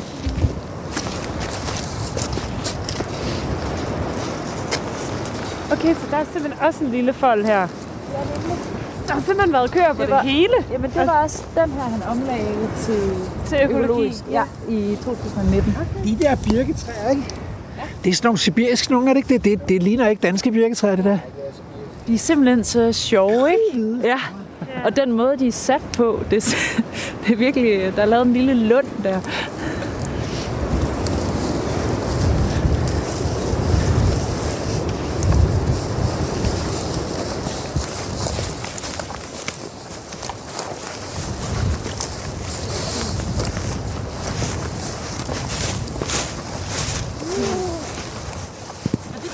Er kalder æblelunden, det her. Ja, det kalder vi æblelund. Og der, Ja. ja. altså, der er nogle nye æbletræer, som ja. er blevet sat af den tidligere ejer her i går. Øhm, og så er der de gamle frugttræer. Der er nogle æbletræer, kirsebærtræer. Mm. Ja.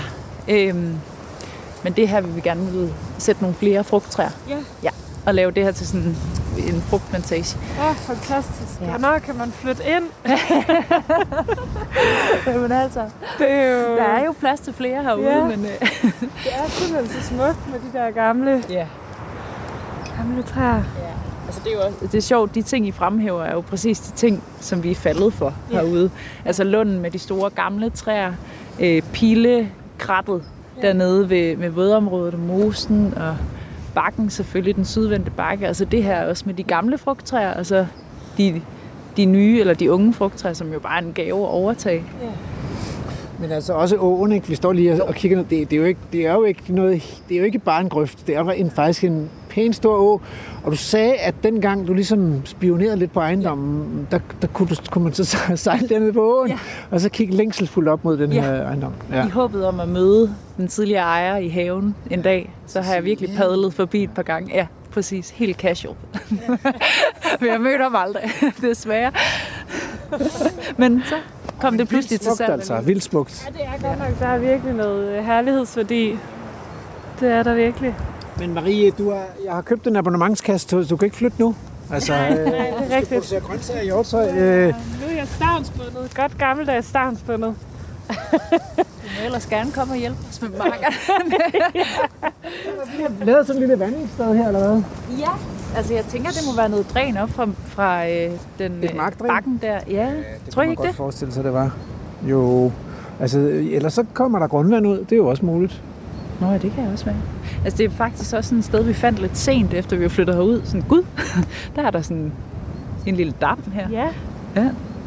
Det, det, er jo, det er jo ikke krystalklart grundvand uden næringsstoffer i. Altså, der ligger sådan lidt alge, grøn algevækst her ja. Ja. i dem, ikke? Så, men øh, man kan da faktisk se bunden, så Der er håb. der er vokset lidt vandplanter dernede, ja. Jeg synes, det er meget fint. Selvfølgelig plantet en rhododendron og sådan lidt. Det er jo sådan lidt have selvfølgelig også. Ja. Men I orker godt at have, altså, at have en frugt, frugtplantage. Det er, der, det, det, det er et begrænset, begrænset arbejdsindsats, der skal til for at have en frugtplantage. Altså vi, altså vi er jo også nogle hjemmedyrkere. Vi kan jo godt lide at dyrke grøntsager og sylte og fermentere. Og jeg har også dyrket en mark, der ligger faktisk lige på den anden side af åen med kål, som er bare sådan et lille sideprojekt, jeg laver Ja. ja. herude. Øhm, Så jeg er også lidt vant til at dyrke på jorden herude, men vi, altså, vi er jo bare... Det er jo sådan en del af drømmen. Det er at dyrke vores egne grøntsager og have vores egne frugttræer og kunne fylde, fylde fryseren med, Ja. med bær og frugt. Og, ja. Leve af, af det, jorden Ja. har til os her. Ja. Ja. Er det, I vil have grøntsagshave? Jamen, den er her allerede Den faktisk. simpelthen det her. Ja, altså der, det er jo igen det der med at overtage et, overtage et sted, som allerede ligesom var i gang. Altså ham, den Ja. tidligere ejer, han, han startede faktisk, da han flyttede herned, var der ikke nogen køkkenhave. Og så startede han med at indhegne øh, området hernede til venstre, som ligger lige op ad åen. Og vi behøver ikke gå derned, men der, jeg ved ikke, om I kan se det herfra, men det, det er simpelthen så indhegnet. Jeg tror, der er fire forskellige hegn oppe i sådan 3 meters højde, og det, det er største af dem. Og det er, fordi han importerede 450 økologiske jordbærplanter fra Tyskland. Fordi han havde en drøm om at blive jordbærbunden, og så sælge jordbærne ude ved vejen til alle de turister, der kommer forbi om sommeren. Øhm, så han hegnede det her område, og han har sat frugttræer dernede, og han gjorde virkelig klar. Og så havde han, øh, han havde aldrig hørt om mosegris. For vi har utrolig mange mosegriser nede langs åen. Så de her 450 jordbærplanter, de forsvandt ret hurtigt. Altså ikke fordi de blev spist ovenfra, men fordi de, øh, mosegrisen tog rødderne. Ja. Så, øh, så det var en jordbærdrøm, der bræste. Men så flyttede han køkkenhaven herned, tættere på huset. Og, øh, og der har han sat en masse hindbær, som er herover til højre. Øh, jeg har i hvert fald fundet fire forskellige sorter. Og så er der ja, og så er der en hel række med asparges, som han satte for tre år siden. Ja, det, det er jo bare en gave at overtage dem. Ja. Øhm, og så har han sat alle de her frugttræer, Ja. som er, der er i hvert fald et René Claude, altså et øh, blommetræ. Men hvilken en af dem, vil jeg bare sige? Der er jo den gule, den store vulgære gule, og så er der den lille lækre franske René Claude, grønne. Det er jo to helt forskellige blommer. Det siger altså, jeg bare. Jeg ved det jo ikke selv, fordi jeg har ikke været før nu. Og det, sådan er det jo generelt, når vi går rundt. Der er simpelthen så mange ting, vi ikke ved endnu, for vi har ikke set ting komme op af er jorden. lækre blommer. Men der er simpelthen et, øh, det, er det eneste træ, og det er kun derfor, jeg ved, det er René Claude, fordi det er det eneste træ med en lille bitte seddel på. Så det kan være, det står der.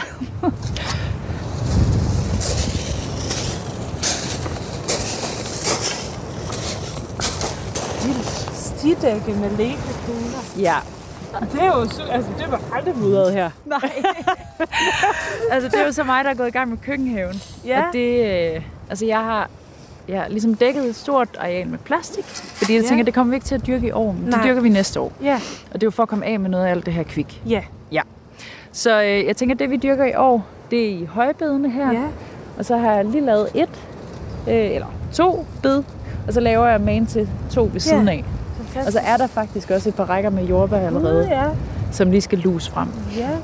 Altså, jeg blev simpelthen nødt til lige at stoppe jer. I har snakket om det virkelig mange gange. Hvad er kvik? Kvikgræs. Ja. Vil du? Jamen, det er øh, alle økologers værste frygt. Det er simpelthen den mest stedige græsukrudt, man overhovedet kan komme i nærheden af. Og den er jo både beundringsværdig og frygtindgydende, fordi den er nærmest ikke til at slå ihjel. Og den har sådan nogle rodskud, som øh, udvikler sig virkelig hurtigt. Og hvis man så skærer det der rodskud, så bliver det bare til to nye planter. Hvis man prøver at rive rødderne op og glemmer en halv centimeter nede i jorden, så bliver det der rodskud bare til en ny plante. Det er virkelig, øh, altså man har en virkelig hård modstander. Så ja. jeg synes, det er, det er meget fornuftigt, det I har gjort med at pakke det ind, fordi det er, det, der er ikke nogen sådan, hvad skal man sige, økoudseende øh, vej imod den der kvik der. Enten går man i gang med at grave det op, eller også så dækker man det af. Ja. Eller også så, ja, så giver man op. ja.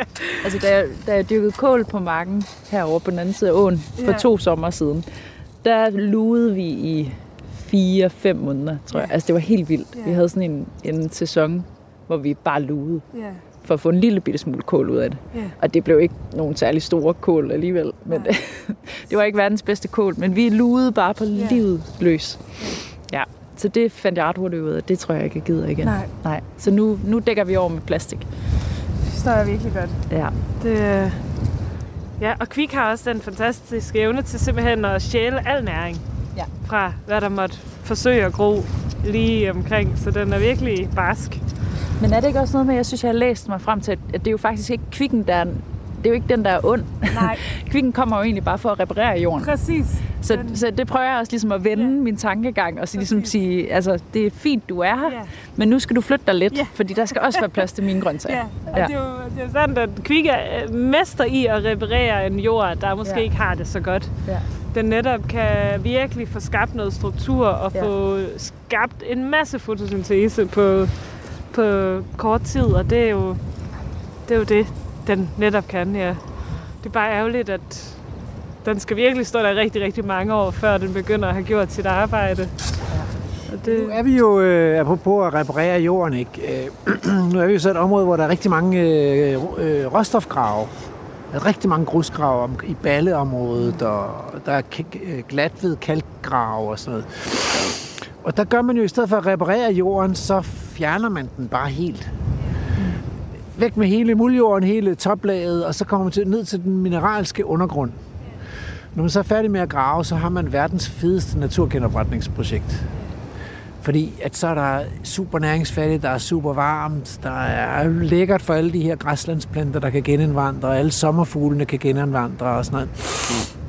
Så man kan sige, at den, den værst tænkelige højbedskatastrofe fjerner helt mulighed og kører det væk. Det, det er den, det bedste udgangspunkt for en vildere natur. Mm. Og en artsrig natur. Det er jo sådan, det sætter lidt på spidsen det der, øh, med, med, hvad man må vælge, ikke?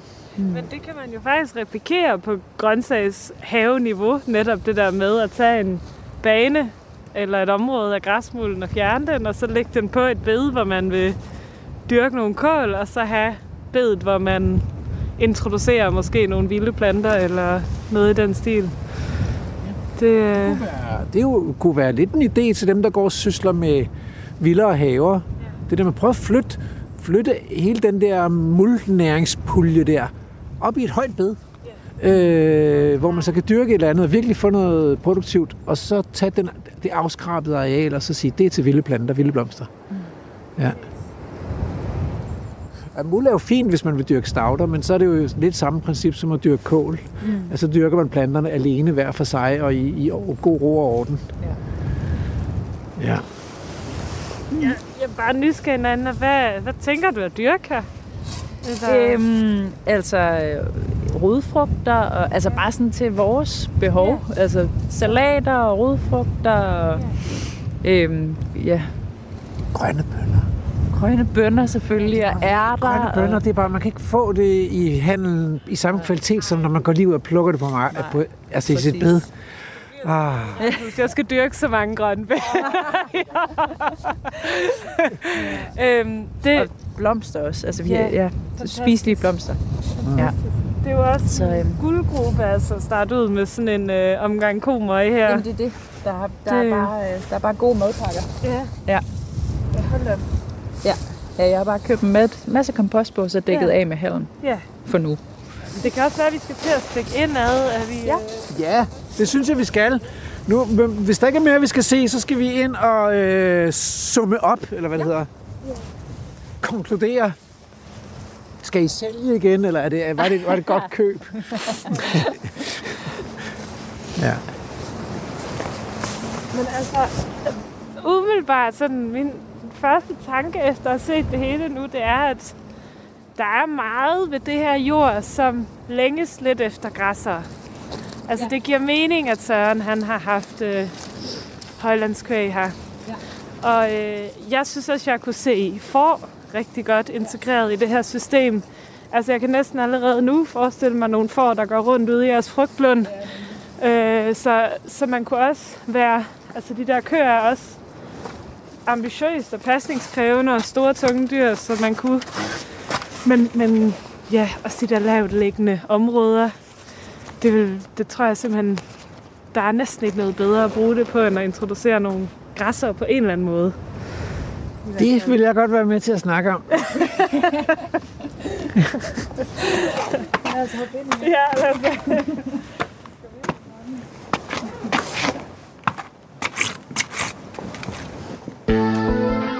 lytter til Radio 4. Så dejligt ud. Ej, det er så lækkert. Skønt. Ja. Mens I begynder at skære nogle boller, så kan jeg sige noget. Nu er vi altså trukket ind i varmen. Det er godt nok en dejlig forårsdag øh, derude, og øh, der var også øh, enkelte solstrejf. Men det er dejligt at komme ind i varmen, og øh, det ser ud som om, Nana, at det er dig, der har bagt boller. Ja. Vi er på besøg her hos øh, Nana og Jonathan Spejlborg Julesbo. Ja, det er nemlig det, vi er.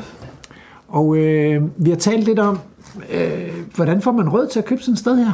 Altså, øh, er I sådan øh, direk- direktører og marketingchefer og øh, i, i, i hverdagslivet?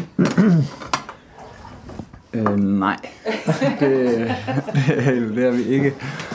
Øhm, altså, man får råd ved at være mange om det. Det er sådan, vi har fået råd, at vi ikke gør det selv. Det ville vi ikke have råd til. Øhm, I vores øh, hvad kan man sige, liv, udover at være her, så som Nana nævnte tidligere, vi har boet i Island i mange år. Jeg har været med til at starte en lille kunstskole deroppe, som jeg stadig øh, øh, er involveret i at køre programmer. Og du har også både drevet skriveskole deroppe og arbejdet med, med journalistik og arbejdet ude på et naturcenter nu, det kan du også fortælle om. Men, mm. men det er sådan, er meget, øh, jeg tror, vi har, det har altid været meget sådan, det er ikke ting, man bliver rig af.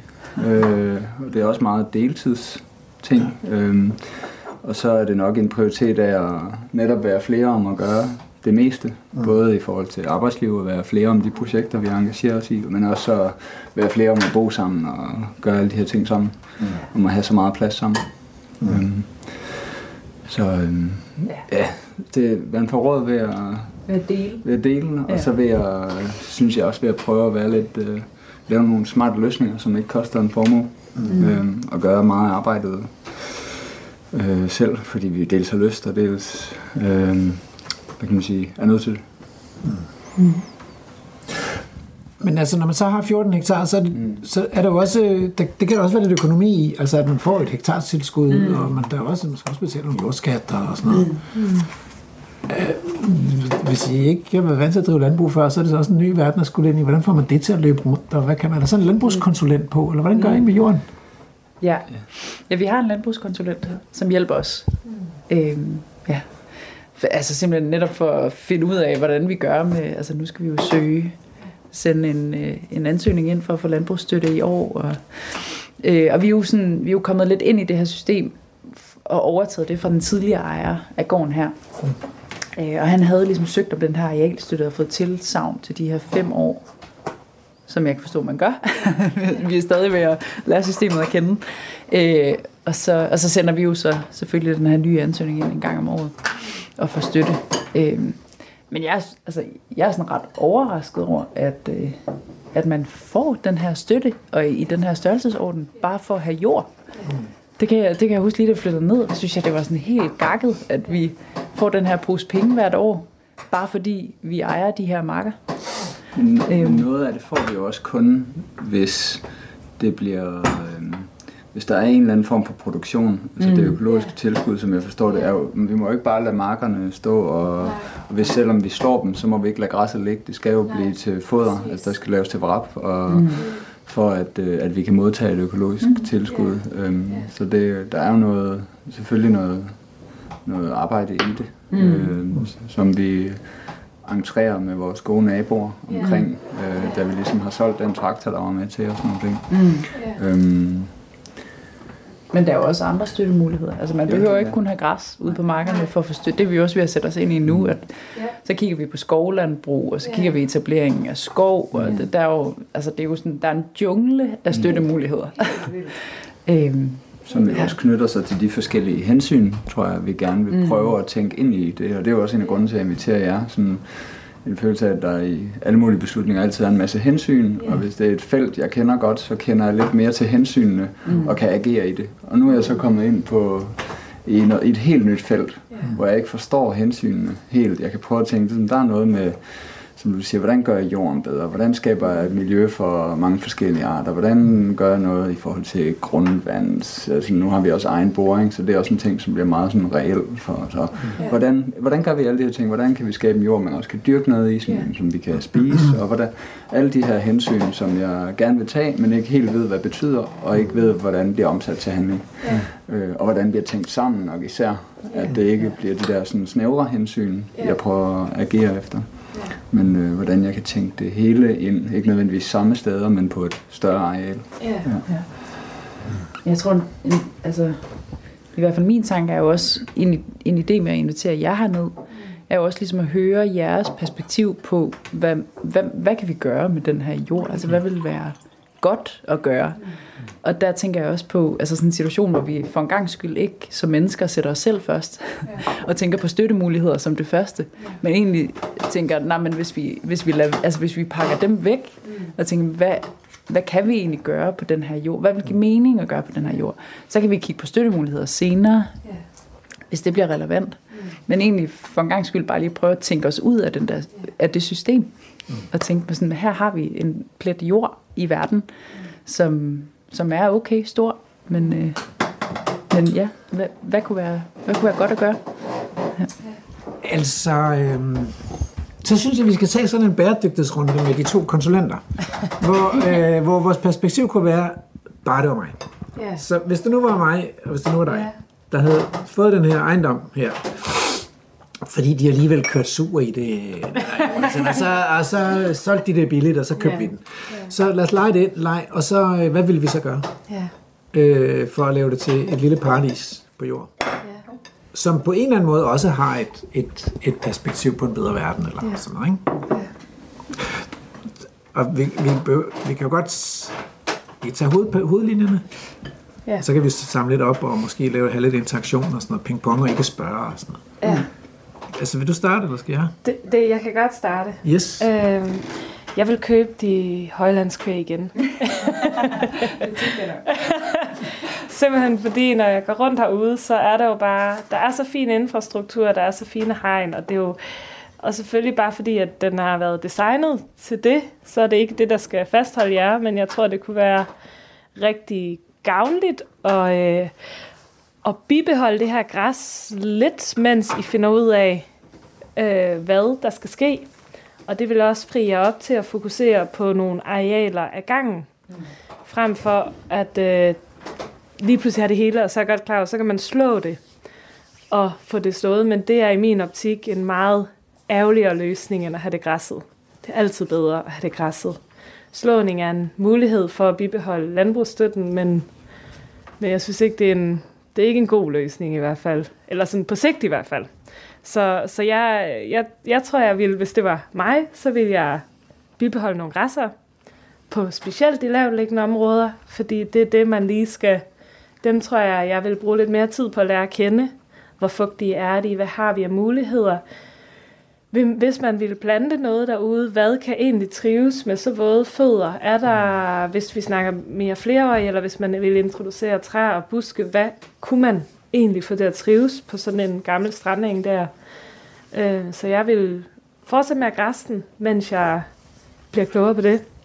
Så tror jeg, jeg vil give mig i kast med æblelunden også, altså som vi snakker om med noget, nogle flere træer, nogle flere bærbuske.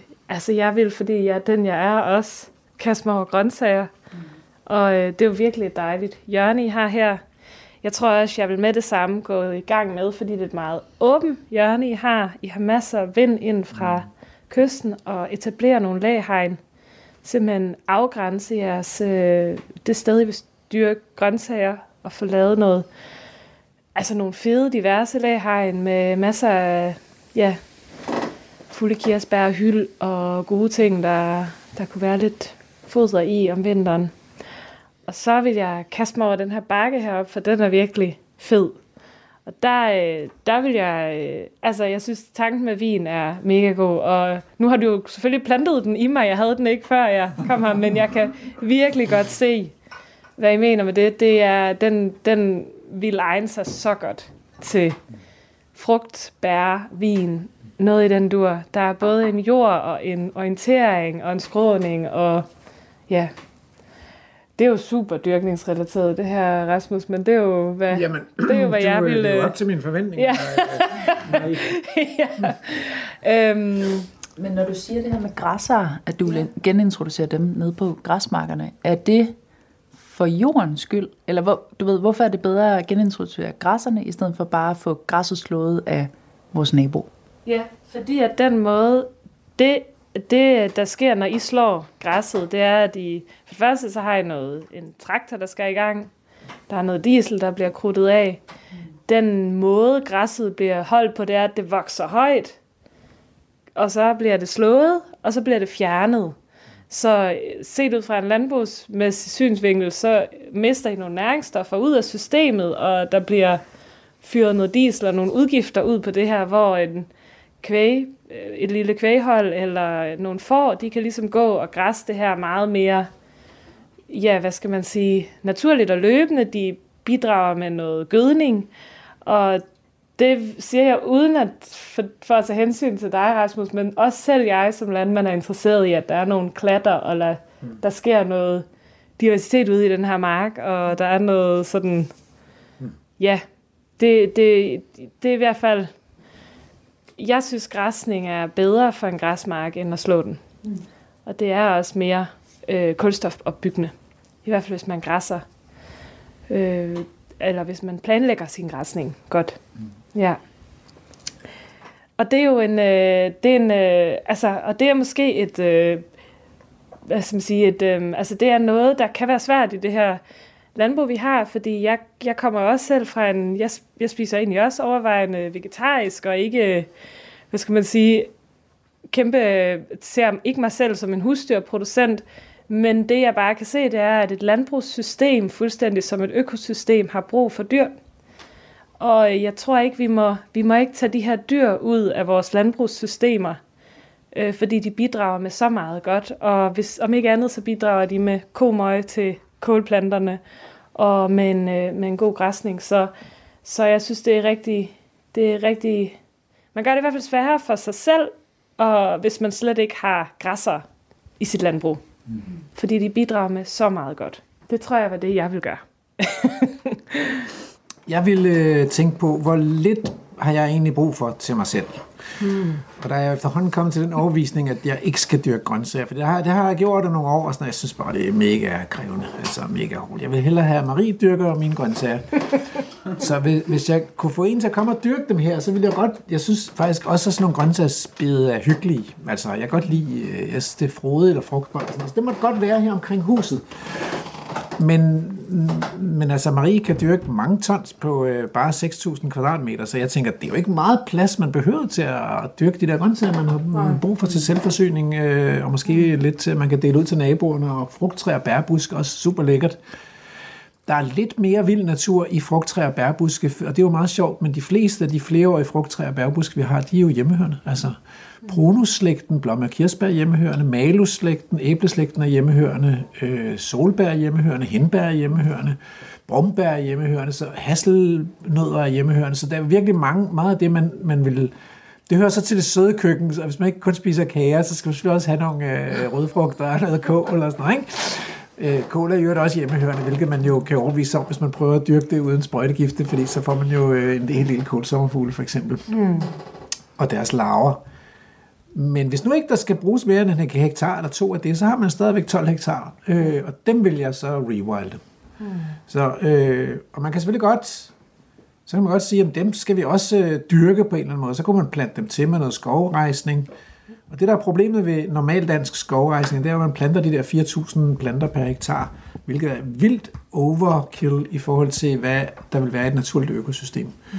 Øhm, og det giver selvfølgelig en hurtig vækst, og man får en masse træer op, og de kommer til at stå og presse hinanden op i, mod lyset og lave nogle dejlige lige træstammer, men man får ikke de smukke træer, som man kan se de gamle træer herude. Mm. Der græner sig lavt ned ved jorden og bliver store og bredkronede og smukke. Øhm, så hellere lave skovrejsning med naturlig tilgroning, tænker jeg. Øhm, og så, hvis man så har et rewilding-perspektiv, så vil jeg jo forsøge at få vandet tilbage i landskabet i videst mulig omfang. Mm. Som vi kan sige, vi fandt, at det var jo egentlig ret tæt på jordoverfladen mm. på de lavt liggende arealer, Og der var de her grøfter, indre grøfter, som man måske kunne slippe afsted med at lukke, og så få en, en øh, vandstigning og få nogle lavvandede øh, lavninger og nogle, noget mose og engstrøg. Og det vil samtidig gøre, at vegetationen vil skifte fra de der øh, græsser, der nu er tilpasset tørbund, til nogle planter, der er tilpasset våd bund. Så der vil ske en automatisk udskiftning. Gør man ikke det, så hænger man på de der flereårige græsser der, hvis ikke man vil pløje dem ned, eller øh, skralde dem af, eller på en, gøre et eller andet dramatisk for at slippe af med dem. De, de hænger ret godt ved, øh, hvis der er en næringsrig jord. Øh, og så, så har vi, vi har kigget lidt på, øh, forsket lidt i, i ådal, og hvad man egentlig kan gøre, når man, fordi mange af de steder, man må tage jord ud, det er jo en del af regeringsplanen at tage kulstofri lavbundsjord ud i ådal. Og der står man med det der næringsstofproblem. Hvad fanden skal vi stille op? Det er så næringsrigt dernede, og man kan ikke, det er enormt dyrt at skrabe muldlaget af og køre det væk, især hvis man skal det op ad en ådal, ikke? Øhm, og der tror jeg, at et af de bedste perspektiver måske er at lade det gro langsomt til med træ og buske fordi de kommer til at tage noget af lys og næringsstofferne fra urtelaget, og så bliver der ikke så hæftig konkurrence nede i urtelaget. Øh, og så bringer busker og træer en masse biodiversitet og levemuligheder ind i sådan et økosystem også. Og det må meget gerne være under samtidig græsning. Så det er et sted, hvor Maria og jeg er helt enige. Lad os få nogle store planteder ud. Jeg er ikke så vild med får, altså. Jeg synes, øh, lammekød som kødspiser er noget af det bedste kød, men men fårene, de spiser bare blomsterne først, ja, så det er ikke så, så jeg har ikke noget mod at spise fåren, men jeg synes, det er ærgerligt, at fåren spiser blomsterne. øh, så der går jeg alligevel med blomsterne. Mm. Så, så jeg tænker, at, øh, at øh, okser eller heste, eller ponyer, eller vandbøfler vil være mit go-to. Mm. Og hvis det skal være naturligt tæthed, så er det jo ikke mere end fire dyr. Mm. Fire voksne dyr. Mm. På de 12 hektar. Det er virkelig lav tæthed. Plus, at så vil I jo få besøg af hjortevildet. I har sagt, at I vil lave et fristed, og det synes jeg er genialt. Altså, der vil endda kunne komme til at stå rimelig meget hjortevildt indimellem, især i jagtsæsonen. Ikke? Mm. Øh, og de vil så supplere med noget græsning, så man skulle så finde ud af, hvad er sådan cirka græsningstrykket. Og det minder ret meget om ham, vi har lavet vildspor med, der hedder Peter Størup, som har en gård ude i Lindodalen, en fædrende gård, hvor han overtalte sin far til at rewilde jorden. De solgte noget af jorden fra, og så fik det råd til at ligesom opgive landbrugsdriften og rewilde det. Og det er ned til en ådal også. Øhm, I skulle næsten besøge, ellers skal I i hvert fald høre øh, Vildsborgsafsnittet med Peter Størup. Øhm, fordi det er så ligesom det der, når det er småskala rewilding, hvad kan man så gøre, og hvilke dyr kan trives hele året rundt, øh, og passe sig selv i store træk og sådan noget. Og han er meget på heste. Og man kan sige, skal man ikke spise kødet, så øh, er heste jo fine. Ja. De, øh, der er robuste hesteraser, det ved jeg også fra Island, ikke? Mm. Øh, men altså islandske heste, eller shetlander, eller konik, eller exmoor, yeah. eller der er en del heste, der egentlig, de er meget adfærdige, de, de, de er opfindsomme, og de finder ud af at gå ind i skoven og udnytte busker og træer også, og sådan noget. Mm. Så det var jo en mulighed. Øh, de kan også blive rimelig gamle. Ja. Og man kan jo, hvis man ikke selv vil passe dem, hvis nu er jeg i Island i lange perioder, så kunne det jo endda være, at der var nogle lokale med islandske heste, mm.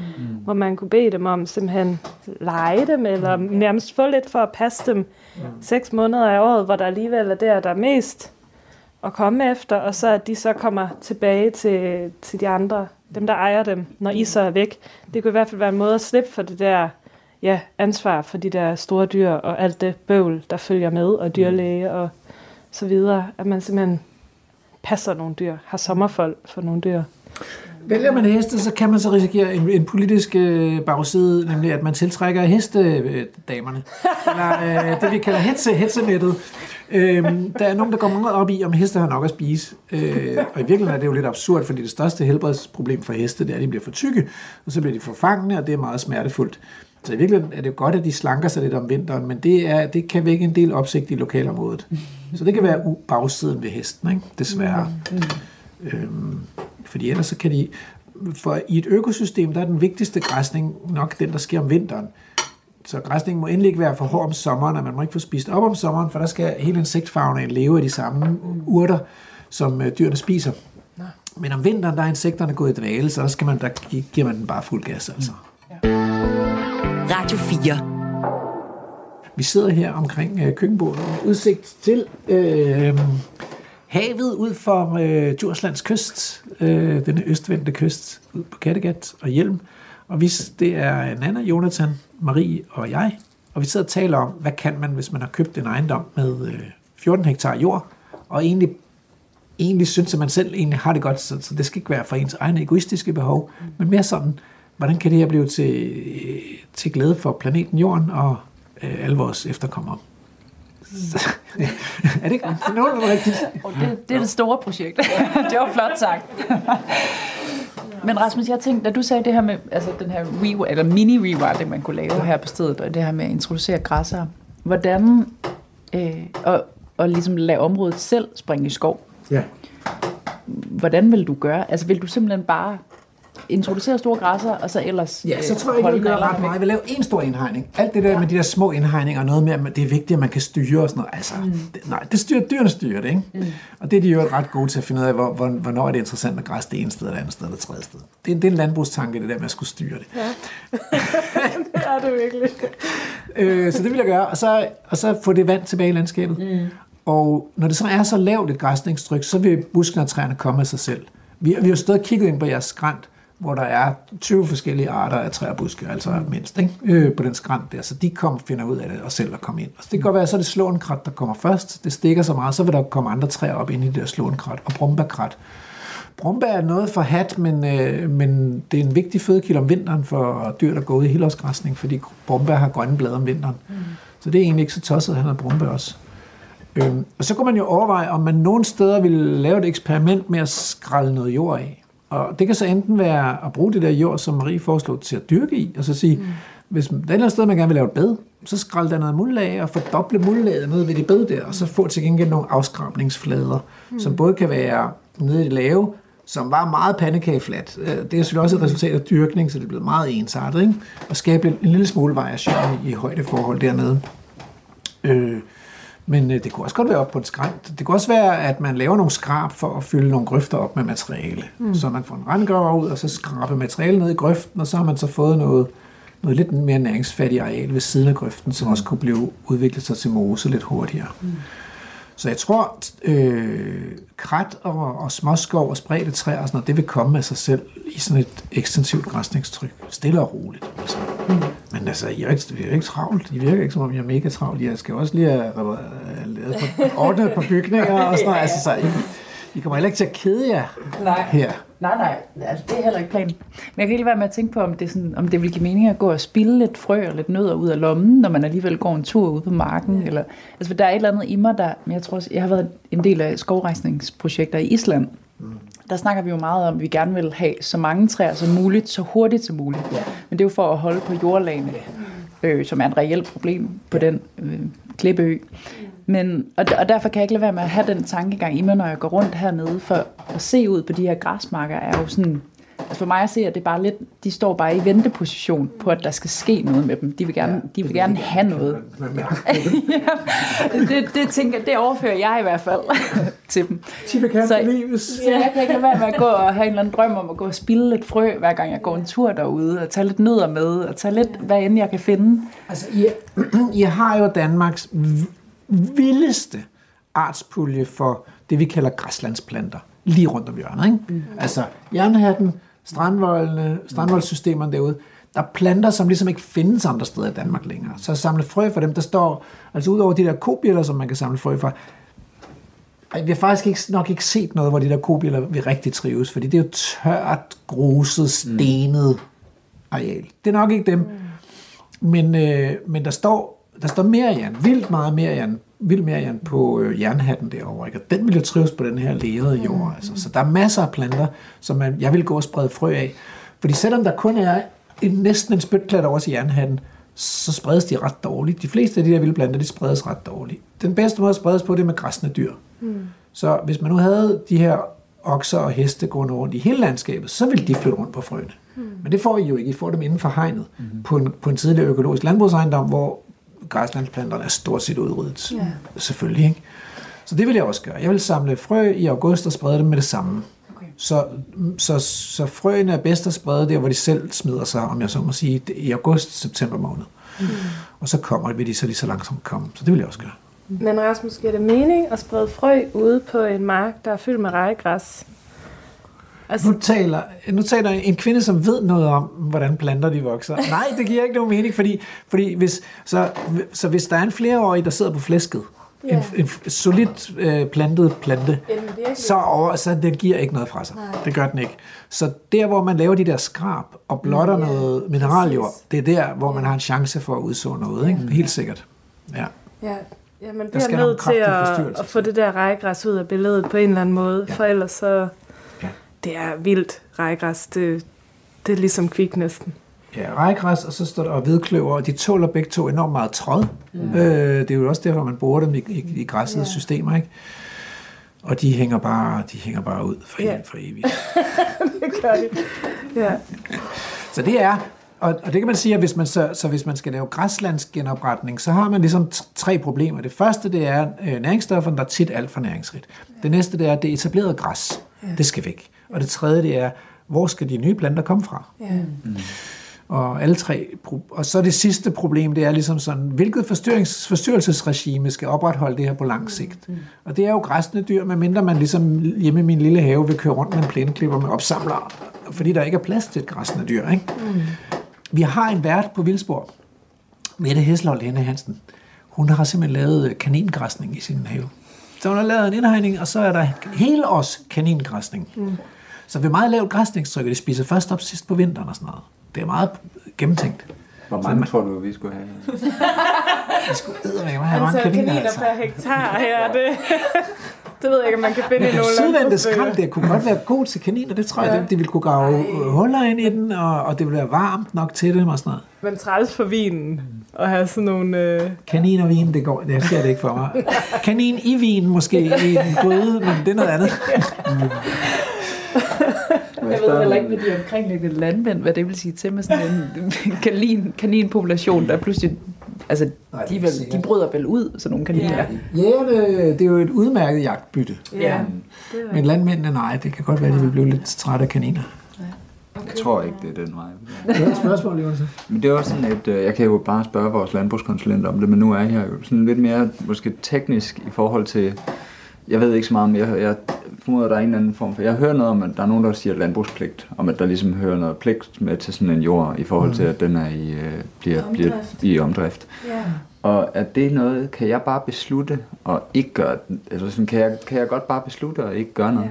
Ja. Så mister du din støtte. Ja, ja, men det, det er simpelthen den eneste Det, det var konsekvens. det, ja. Åh, oh, halleluja. Ja, Det er det. så det, det er faktisk bare det. Okay. Men Hvordan rent øh, praktisk, er det noget, jeg skal ansøge om, eller sådan informere om i nogle retninger, eller hvordan gør man Det er det? jeg faktisk i tvivl om. Jeg tror, det, det falder naturligt, når man skal indberette, Ja, at man det så kontakter dem og siger, vi går rock and roll, Ja. vi går ud for systemet.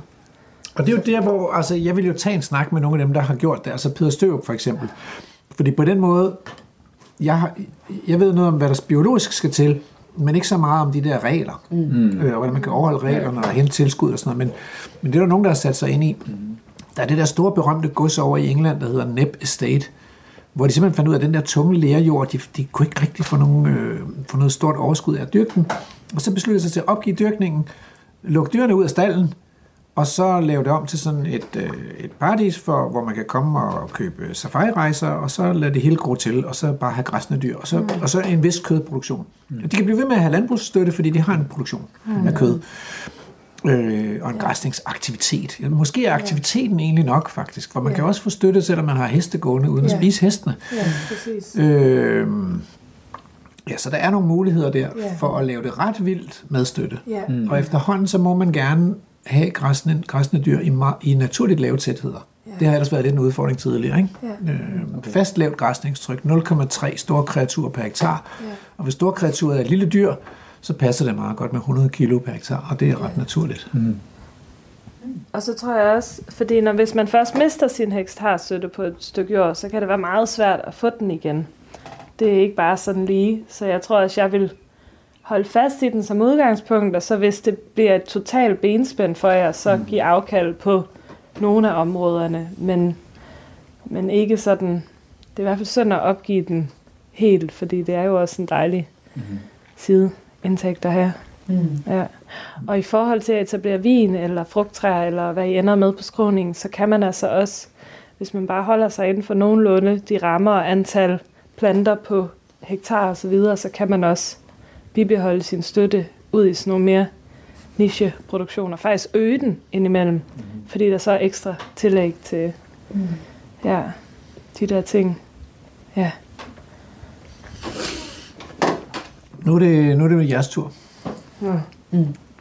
For nu skal I sige, hvad, hvad, hvad, hvad, hvad vil I? Har I besluttet jer, eller er der noget, I vil undersøge? Eller, og hvad vil I med hjertet, og hvad vil I med forstanden? For det kan jo godt nogle gange være to forskellige ting. Mm-hmm. Mm. Ja. Ja. Vil du starte? Ja, gerne. Altså jeg tror, som vi også har snakket om, så er det jo sådan ret tydeligt, når vi, efter vi flyttede herned, og finder ud af, at vi har ikke brug for så meget plads selv. Altså den, de grøntsager, vi gerne vil dyrke, og de frugttræer, de buske, vi gerne vil have til vores eget forbrug, det kan snilt være på, øh, på det areal, der ligger bare lige rundt om huset. og det efterlader os ligesom stadig med de her store grønne marker, yeah. som er et stort spørgsmålstegn. Og jeg går personligt selv og kigger på de her store grønne marker hver dag, og har lyst til at plante skov på dem. Eller har lyst til at se en anden bevoksning på de her marker, end bare, øh, end bare græs. Yeah. Så jeg synes, det er en virkelig spændende tanke, at altså både introducere de her græsser, yeah. genintroducere græsser. Jeg selv rytter, så det, yeah. det giver jo rigtig god mening i mine ører at have et hestehold hernede. Øhm, og så, øh, og så have, altså, lade det springe i skov mm. Med tiden. Men måske også har jeg lyst til den her, altså der er den her lyst til mig, i mig til lige at hjælpe det lidt på vej. Ja. Altså lige, ja, som vi snakkede om, at så, så lidt frø og lidt nød og, ja. Øhm.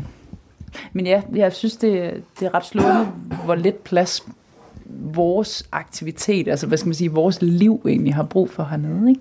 Mm. Øh, i forhold til sådan ren madproduktion. Yeah. Og så er det jo bare fedt, at man kan kombinere dyrehold med naturoplevelser.